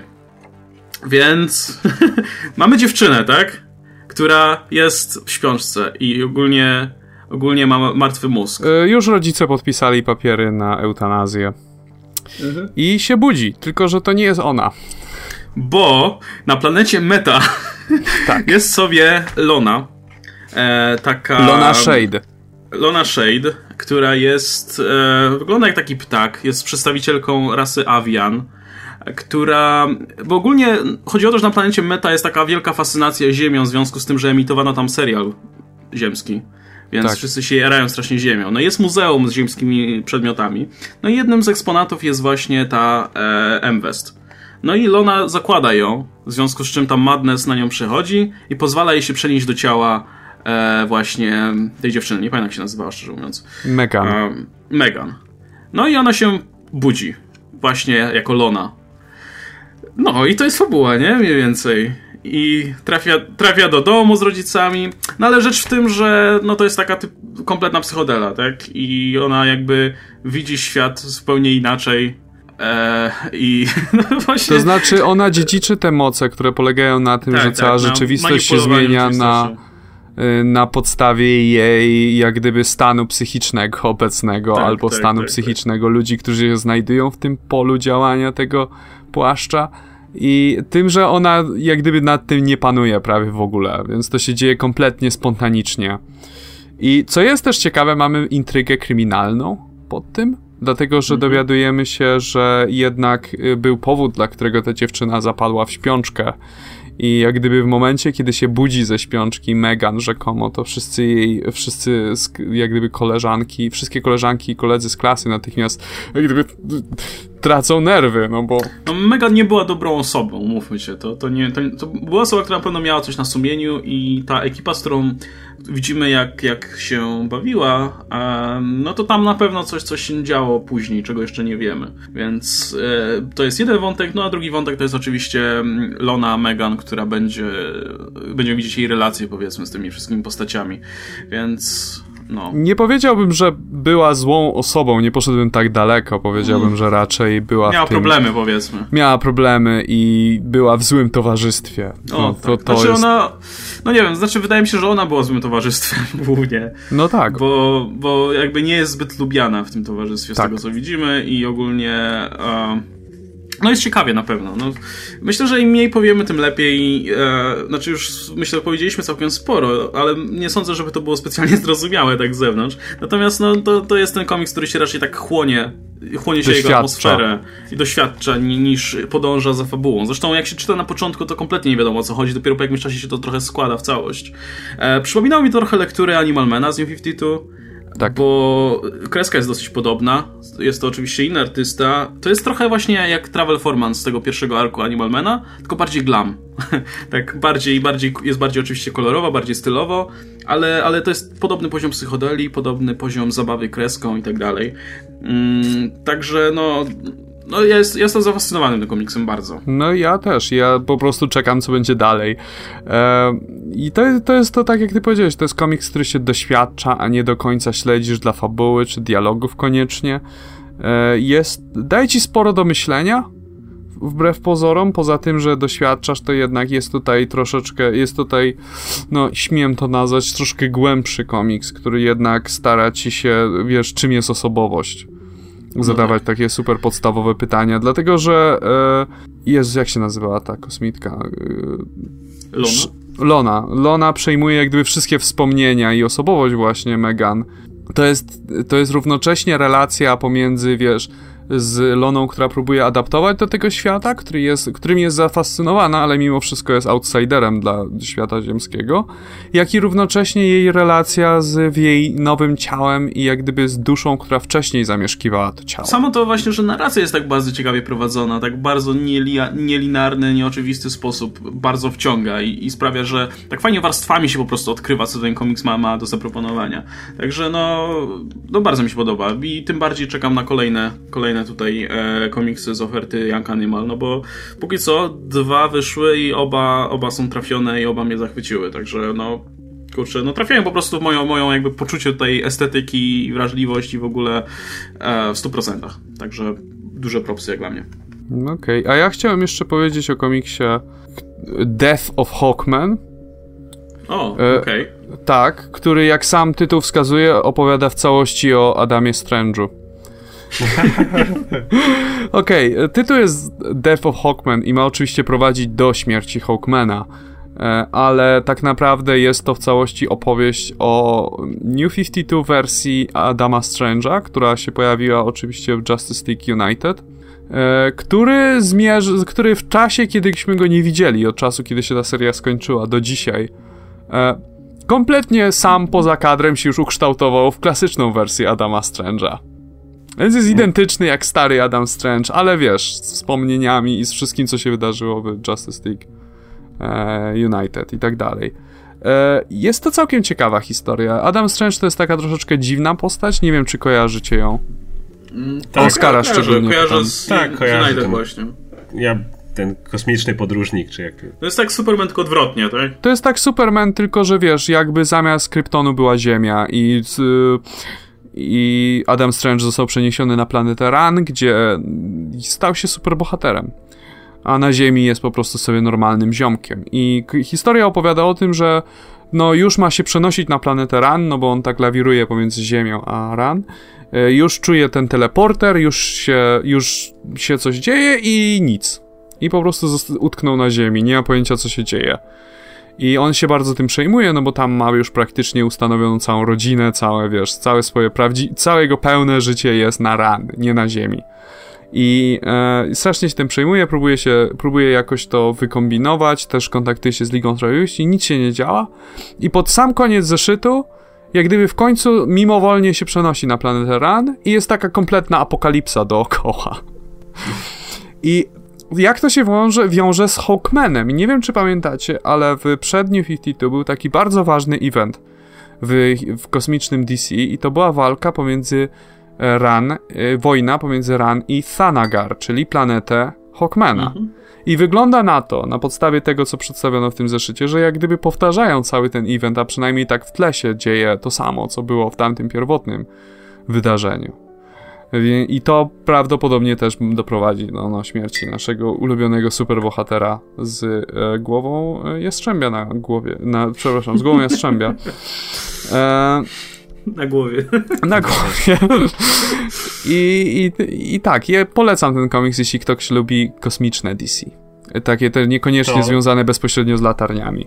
To jeszcze ja czytałem coś z DC też Dobra, jedynkę. słuchajcie, to zrobimy tak. E niech każdy z nas po prostu teraz zrobi rundkę po, po pozycjach, które chciał, o których chciałby coś powiedzieć, tak, e, no wy, wybranych, które były ciekawe. Także zacznijmy od Oscara, jeśli już zabrałeś głos. Tak, więc e, czytałem, e, zupełnie nie wiem dlaczego wziąłem ten komiks, ale nazywa się Deadman Dark Mansion of Forbidden Love. A to takie jest gotyckie, nie? Z tego co widziałem. I się bardzo, bardzo się wciągnąłem. To jest taki, y, wydaje mi się, classic horror story. Wiesz, para jedzie samochodem, deszcz pada, zatrzymuje się przy starym, starej willi, Willa jest oczywiście nawiedzona, e, tylko że jest twist, bo po pierwsze dziewczyna jest w stanie widzieć duchy, znaczy to nie jest tak wprost powiedziane, e, ale, ale później wychodzi, no, że potrafi je widzieć i słyszeć. No i to wszystko jest zawiązane jeszcze Deadman, e, który, no ona siłą czego widzi i słyszy. I, I, sam Deadman nie do końca wie, co tu ma robić, co tu się dzieje. Wiesz, masz takie. Mm, jak się nazywał ten ostatnio film Guillermo del Toro? Eee, Crimson, Crimson Peak. Peak tak. No to właśnie masz takie, takie akcje, ale Crimson Peak, y, jakaś willa nawiedzona i końca wiadomo, co się dzieje. I Deadman, jak tu wleciał, to nie jest w stanie jej opuścić. Jest pole, przez które on nie może wyjść, nawet opętując inną osobę. Y, I masz właśnie takie, takie typowy taki ho horror z, z duchami, z nawiedzonym domem, z trójką bohaterów, którzy nie do końca wiedzą, co się wokół dzieje i Deadmanem w tle, który stara się im pomóc oczywiście, bo jest w sumie bohaterem. I to było całkiem ciekawe i zupełnie inny styl, zupełnie coś innego, taki horror story trochę. E, dalej, co, co w tym tygodniu? Zaczął się nowy story arc All New Wolverine. E, dalej pisany jest rewelacyjnie. To jest ten, w którym, mogę powiedzieć, dwa pierwsze kadry to jest takie, że widzimy miasteczko, jest napisane, że populacja to 30 i e, widzimy trupy, ogień i pośrodku klęcząca na ziemi Laura. Bo wiedzieliśmy, i, i napisane populacja zero. I wiedzieliśmy już od jakiegoś czasu, że Laura zostanie zmuszona do zabicia kogoś. Teraz wiemy, że miała wymordować całe miasteczko. W komiksie okazuje się, jak zostaje do tego zmuszona. I jakby będzie teraz poszukiwana przez Shield, przez władzę, a sama będzie musiała dorwać osobę, która no, przez którą zrobiła to, co zrobiła. Wchodzimy trochę w y, jakby historię Laury, znowu sobie przypominamy, jak, kim ona była, jakby ten cały proces tworzenia. Y, dalej jest jej relacja z Gabi, co jest tym fajnym elementem, którego zawsze mówiliśmy niedawno, że brakuje w Marvelu.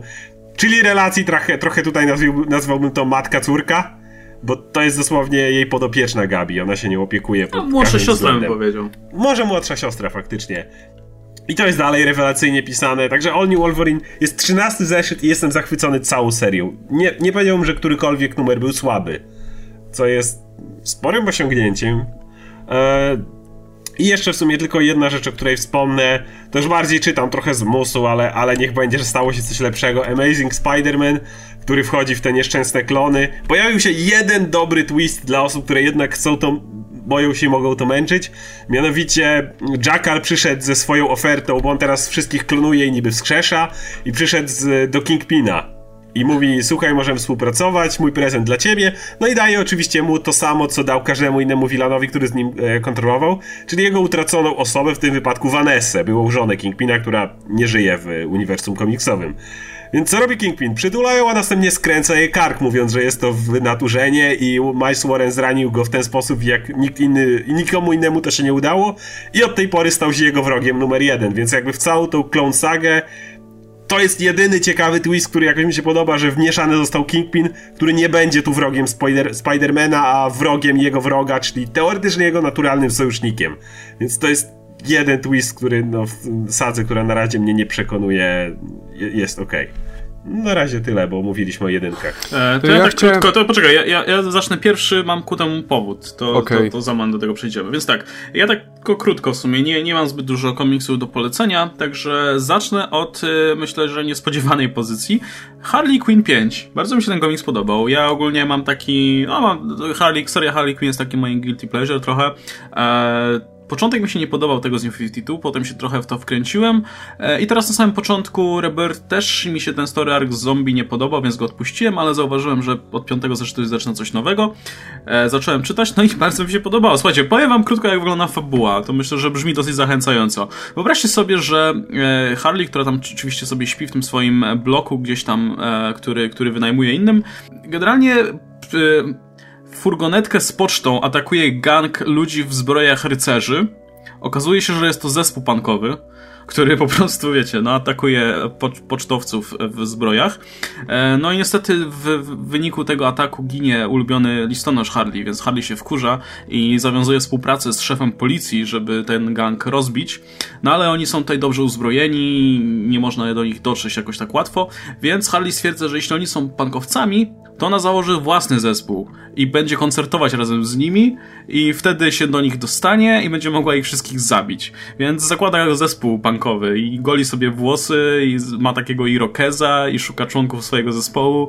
No i to wszystko jest naprawdę bardzo zabawne i wraca do formy moim zdaniem ta seria i bardzo przyjemnie się to czytało. Ostatnio trochę za dużo było Red, Red Tula. Jeśli ktoś nie wie, to jest po prostu taki Red Deadpool, tutaj y, parodia Deadpoola, gość, który jest ubrany na czarno, na czarno-czerwono i jest najemnikiem i tak dalej. Um, ostatnio było go za dużo, tutaj jest oczywiście, tutaj już jest na szczęście w ograniczonych ilościach. No i Harley gra, śpiewająca z tym swoim dziwacznym zespołem, e, z tym e, Ekfu, który tam zdaje się, że gra na perkusji. jest zajebisty moment, kiedy wiecie, wiecie jak wygląda Ekfu, nie? To jest jajko po prostu na jakimś tam sztucznym no tak. ciele. No i on po prostu wyciąga taki stary kostium goryla z czterema rękami, żeby mógł grać na perkusji.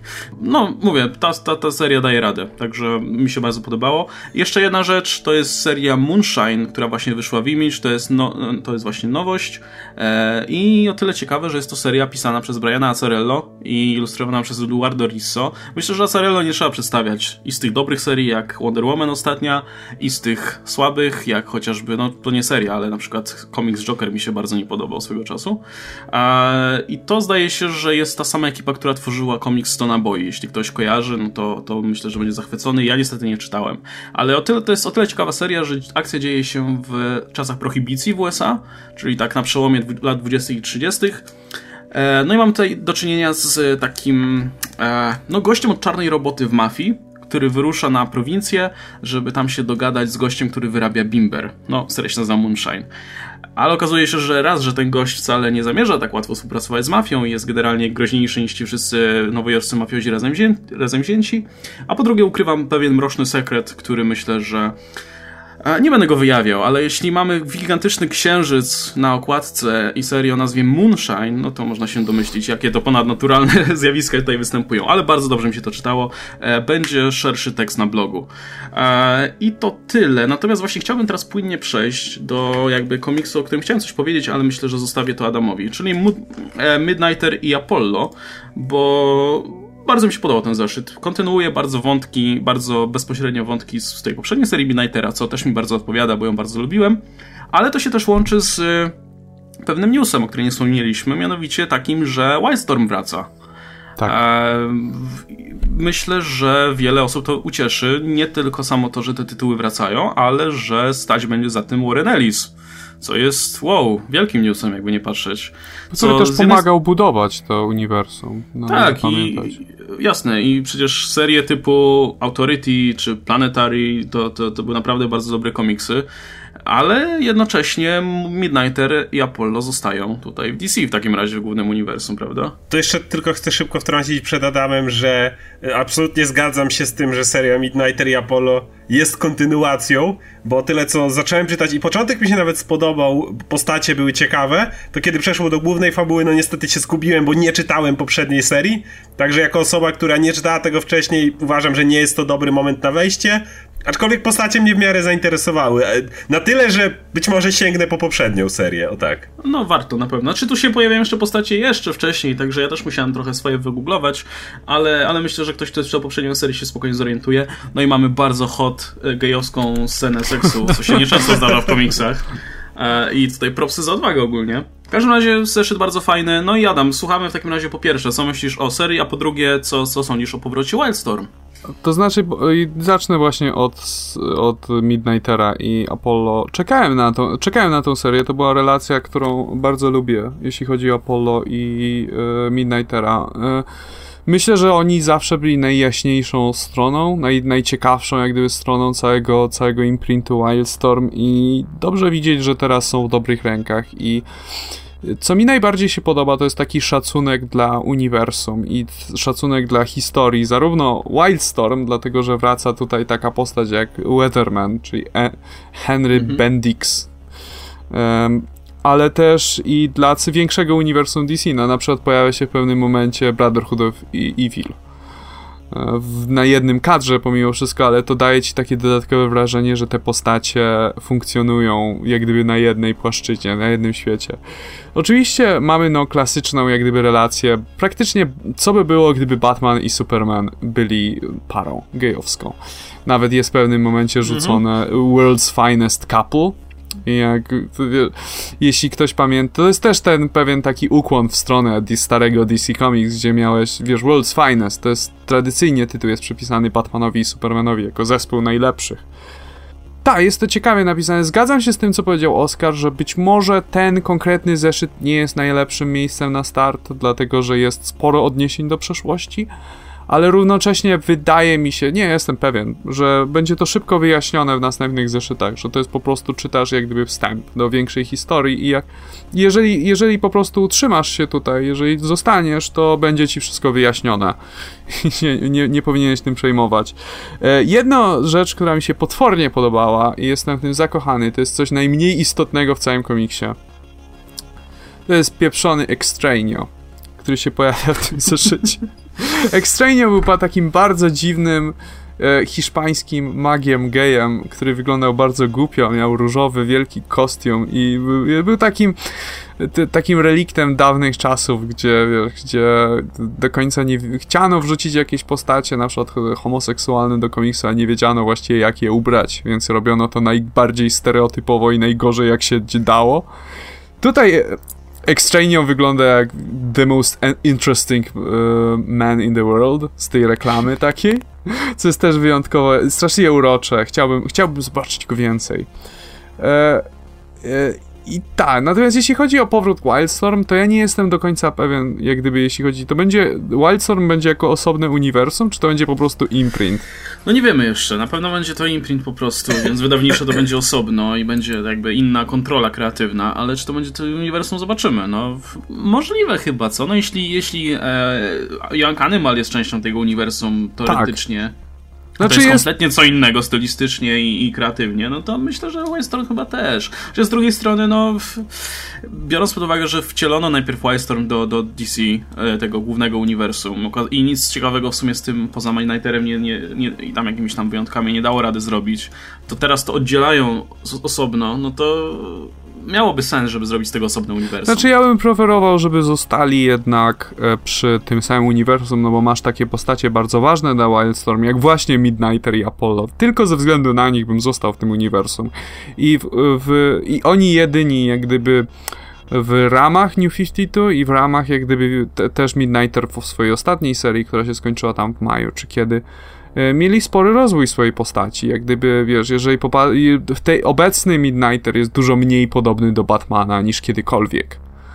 I, e, i nie chciałbym, żeby to było zatracone, jak gdyby, ale nie, nie widzę, tak nie chciałbym też widzieć uniwersum Wildstorm bez tych postaci albo z alternatywnymi wersjami tych postaci. Na pewno jest mowa takiego. o tym, że, że te jakby inkarnacje postaci będą zupełnie zresetowane, czyli że Aha. będzie nowy Grifter, nowy Voodoo, nowy Z nowa Zilot i tak dalej, więc chyba będzie osobno, tak, tak to wygląda przynajmniej.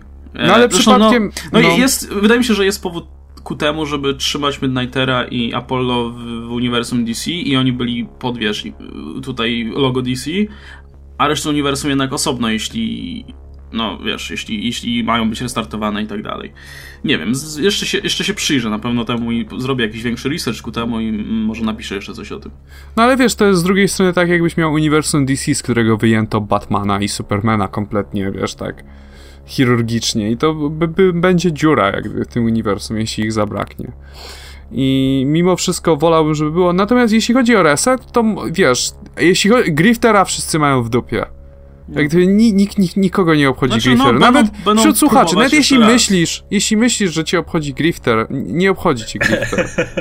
Jak gdyby to jest postać, która wiesz, już przy New 52 była zresetowana i w New 52 nie robiła nic interesującego praktycznie. Wiesz, pojawia się Future Zen, o mój Boże. E, i wiesz, ja nie widzę żadnego problemu w, w zresetowaniu wszystkich z wyjątkiem Midnightera i Apollo. Znaczy tak, no na pewno będziemy mieli trzy ongoingi, czyli Michael Cray, Wildcats i Zilot.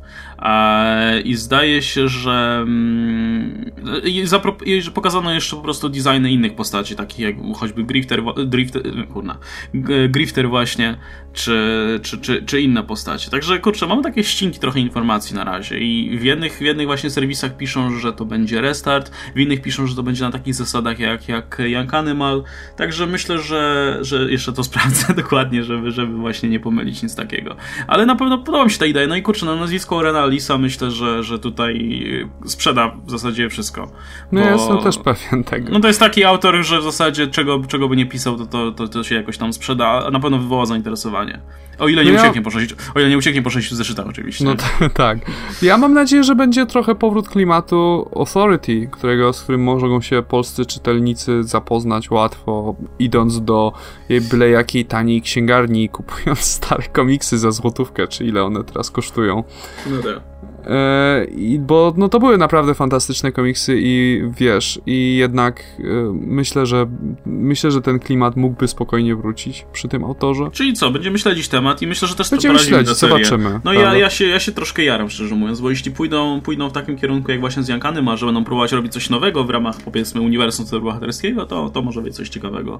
A propos, a propos jeszcze, a dobra Adam, jeszcze czy masz jakieś jeszcze serio, o których chciałbyś powiedzieć? Nic bo ja się chciałem zapytać, chciałem no. się zapytać, czy czytacie Justice League Briana Hitcha, wspaniałą serię, którą chwaliliśmy. Tak, zajrzałem do ostatniego numeru, żeby zobaczyć, czy jest lepsze. Nie jest. Wiesz co, ja miałem gorączkę w tym tygodniu i tak jakby jedyne co, tak patrzę na okładkę Justice League i myślę, to jest jedyna rzecz, która może pogorszyć mój stan, więc sobie Tak. odpuściłem. Mogłaby. Wie, wiesz, wi- widziałeś, co, je, czy, co zapowiadają na kolejne? Tak, tak, czy- tak. Jest. Bo to jest tak popularne. Wszyscy uwielbiają, jak Batman i Superman się po prostu leją po pysku. Ale, zabić? ale Superman chce go zabić. Superman go... Tak, no to jest też. No To wynika z bardzo... Nie, nie będę tłumaczył, z czego to wynika. Ten, ten, ten komiks jest zły. To Chyba wynika z tylko tego, Green- że, że Hitch Tylko po Green prostu... Lanterns jest gorsze. Jo, zaskoczenie, w obu Jessica Cruz pełni dużą rolę. To Okej. będzie chyba najbardziej ukochana postać po, od Rebirth po prostu. Czyli co, czekamy aż Steve Orlando wypuści swoją JLA, jak już Hitch skończy poprzednią A propos, a propos tego, właśnie zapowiedziano tak jedno wtrącenie z Comic-Conu, skoro, skoro trwa. E, smutna wiadomość trochę w temacie tego, co mówiliśmy o kolejnych pokoleniach. Super Sans będzie dopiero w drugiej fali komiksów Rebirth, czyli O. dopiero w lutym następnego roku. Szkoda. Także No, nie zobaczymy czekamy. wcześniej Super Sans. I, I powiedziano, że również wtedy pojawi się nowa, nowa seria Batwoman, e, oczywiście opowiadająca o Catherine Kane, e, Aha. a także JLA. No Wiesz co? JLA z nową ekipą, z Atomem, Vixen, To wszystko będzie w lutym następnego roku. No niestety Super Sans liczyłem na to, że będzie wcześniej, ale dopiero No wtedy. ale weź pod uwagę, że jeszcze się Damian tak naprawdę na dobrą sprawę z y, Johnem nie spotkali. Nawet. No więc dlatego liczyłem na to, że się spotkają. No, możliwe, że się spotkają. Jak gdyby nie, nie widzę żadnego e, problemu, żeby się spotkali przed założeniem, jak gdyby oficjalnie zespołu. Szczególnie, że Damian teraz będzie mieć, będzie bardzo zajęty, wiesz, swoją pracą nad Teen Titans. Przekonywaniem Żeby- ich, żeby go nie zabili. Przekonywaniem ich, żeby go nie zabili i żeby, wiesz, pierwszy komiks od jakichś 10 lat z Teen Titans w tytule nie ssał. Więc, y, no, nie wiem, zobaczymy. E, Ja jestem pewien, że będzie to teasowane, że będziemy mieć sporo jeszcze interakcji z Damianem No i z Johnem, zanim, zanim się pojawi w, wiesz, zanim się Może pojawi, Trinity. pojawi jako zespół. Może w Trinity, może, może być Teen Titans może się pojawić, może przecież Superboy pomagać. Superboy by zawsze był ważną częścią Teen Titans, raczej w tym wypadku myślę, że nie jako członek per se, ale wiesz, jako taki okazjonalny... Ale wiesz, nic, nic nie E, stoi na przeszkodzie, alians. żeby kiedyś tam ten skład się zmieniał, nie? To też zresztą No tyczy tak. się też Champions, o których mówiliśmy, też nie jest Wiemy, że ktoś dołączy tam Robbie dołączy. Reyes. Wiemy, że dołączy tam Robbie Reyes, bo teasowali to, wiadomo. No, no właśnie, Reyes także- na propsie. Także może i Teen Titans się, się kiedyś Tak. wzbogacą o nowych sumie członków. Nic nie stoi na przeszkodzie, żeby Jonathan i Damian byli i w Teen Titans, i w swoim oddzielnym duobooku, więc... No, zobaczymy w takim razie. No, czekam, czekam na tę drugą falę, bo myślę, że tam już będą troszkę bardziej e, ryzykowne pomysły, więc, więc czekam na to. To dopiero luty. Słuchajcie, pytanie na już samiutki koniec. Kupicie wersję rozszerzoną Suicide Squad? Jeżeli by było to nazwane edycja reżyserska, bym, się, bym to rozważał. Tak, ale tak, Jako, ale jest że to to jest Cut. Jako, że to jest nazwane edycja rozszerzona, będzie kilka scenek, Powiem wam Jokerem. dokładnie, powiem dokładnie co tam będzie. Tam będą te wszystkie sceny z Jokerem, o które Jared Leto miał ból dupy i nic więcej. I nic więcej. To będzie tylko i wyłącznie parę dodatkowych scen z Jokerem, żeby było, że gdzieś tyle ich nakręcili, Jared był zły, masz Jared, wrzucimy je na płytę z Blu-rayem. Nie, to nic będą- więcej się w tym filmie nie zmieni. To będą scenki z Jokerem i Harley, które potem wrzucą w trailer wersji rozszerzonej i ludzie stwierdzą, o, więcej Jokera i Harley, to kupujemy. O, ten film wreszcie jest dobry, tak jak było po Extended Cut Batman v Superman. O, ludzie nie docenili, ale ta, ta, to wreszcie im pokazało, jak ten film był naprawdę dobry, no.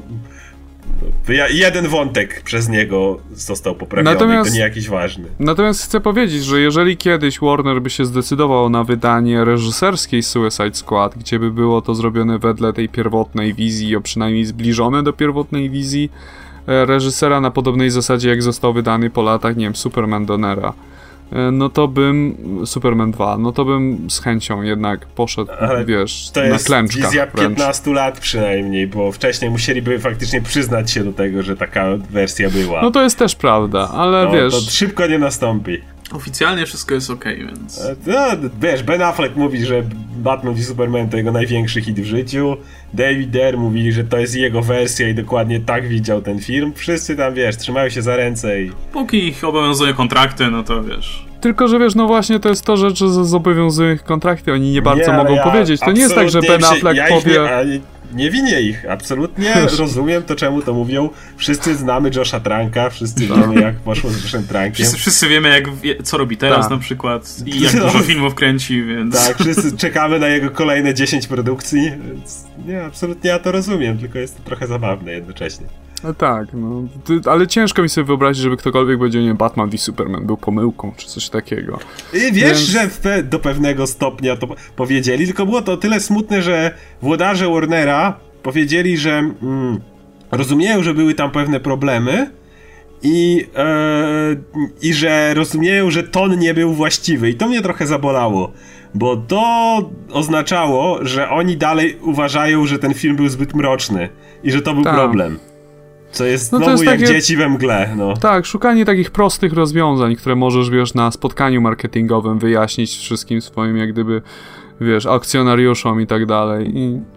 Suicide Squad to pokazuje, bo recenzje na bok, Suicide Squad w porównaniu do tego, ile kosztował do Batman v Superman zarobił więcej pieniędzy. Więc Suicide Squad pokazuje, że faktycznie jakość jakością, ale zabawnie, do, dobra muza i tak dalej i film się lepiej sprzedaje, więc takie wnioski kolesie w garniakach, którzy szczególnie patrzą na zarobek, mogą naprawdę wyciągnąć. No to jest też prawda, niestety. No ale to jest natura biznesu, niestety.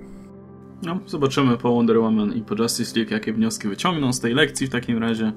No i dobra, to myślę, że na tym możemy zakończyć. Całkiem, myślę, obszerne wydanie wyszło. Eee, zapraszam taki, w ogóle zapraszam do siebie na bloga, bo będę teraz musiał napieprzać praktycznie recenzję komiksu, bo mi sporo zaległości się tutaj narobiło.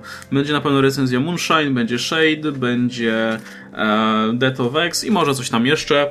Nie wiem, czy coś planujecie, chłopaki, z komiksowych klimatów u siebie. Wyzdrowieć. Ja planuję jeden bardzo ważny, długi materiał, będzie mieć jakieś 20 minut do pół godziny, nie wiem, czy nie podzielę go na części. I planuję właśnie coś, co już zapowiadałem na swoim Facebooku, mianowicie e, materiał większy o kryzysach. O, o kurczę, to faktycznie będzie wymagało sporo. Jeśli ja ja chcę tylko powiedzieć, że ja zrobię na pewno coś związanego z Luke'em Cage'em, gdzie będę mówił o tym, kim są postacie. Taką komiksologię, ale może nie do końca wyłapywanie easter eggów, bo nie chce mi się szczerze mówiąc, powiem otwarcie, tego robić i szukać każdej ulotki, która gdzieś tam przyleciała. Natomiast na pewno w filmiku powiem, kim są postacie, które wiemy, że się pojawiły w serialu, kim one były w komiksie ale to jak mi głos do końca wróci. No, no ja planuję jeszcze z takich bardziej niszowych rzeczy. Obiecałem e, jednemu z patronów na Patronajcie właśnie zrobienie materiału o Archim, także no naprawdę nie, nie, nie jest to dla mnie jakby wysiłek. E, I e, jeszcze, jeszcze jakieś tam komiksowe materiały. No i tyle. No ale jeszcze zapraszam do zobaczenia zapisu waszej prelekcji o, o ekstremalnych latach 90. Co prawda tam jakość dźwięku nie jest najwyższa, ale myślę, że spokojnie da się wysłuchać tego. także tutaj zawsze osoby się y, dopytywały, czy będą nagrywane, tak, czy będą wiem, nagrywane. Wiem, pomyliłem e, e, sfinglowane śmierci Daredevila nie, podczas prelekcji. Nie ten moment, kiedy, kiedy udał swoją śmierć, robił to wielokrotnie. Pomyliłem, przepraszam. Trudno, no już poszło w świat, więc niestety no, skompromitowałeś no, się przed Wyszło, no, no. tysiącami internautów. To nie, to nie była ta upozorowana śmierć. No to unsub, no tutaj klikam. No, no, no i co, szykujemy się na, na Doktora Strange'a powoli, nie? Myślę, że jakieś tam no też tak, materiały tak. o Doktorze Strange'u będą się pojawiały. To na pewno. No i dobra, to żegnamy się w takim razie. Był ze mną Oskar Rogowski, komiksomaniak. Cześć wam. I Adam Antolski, na Mruba.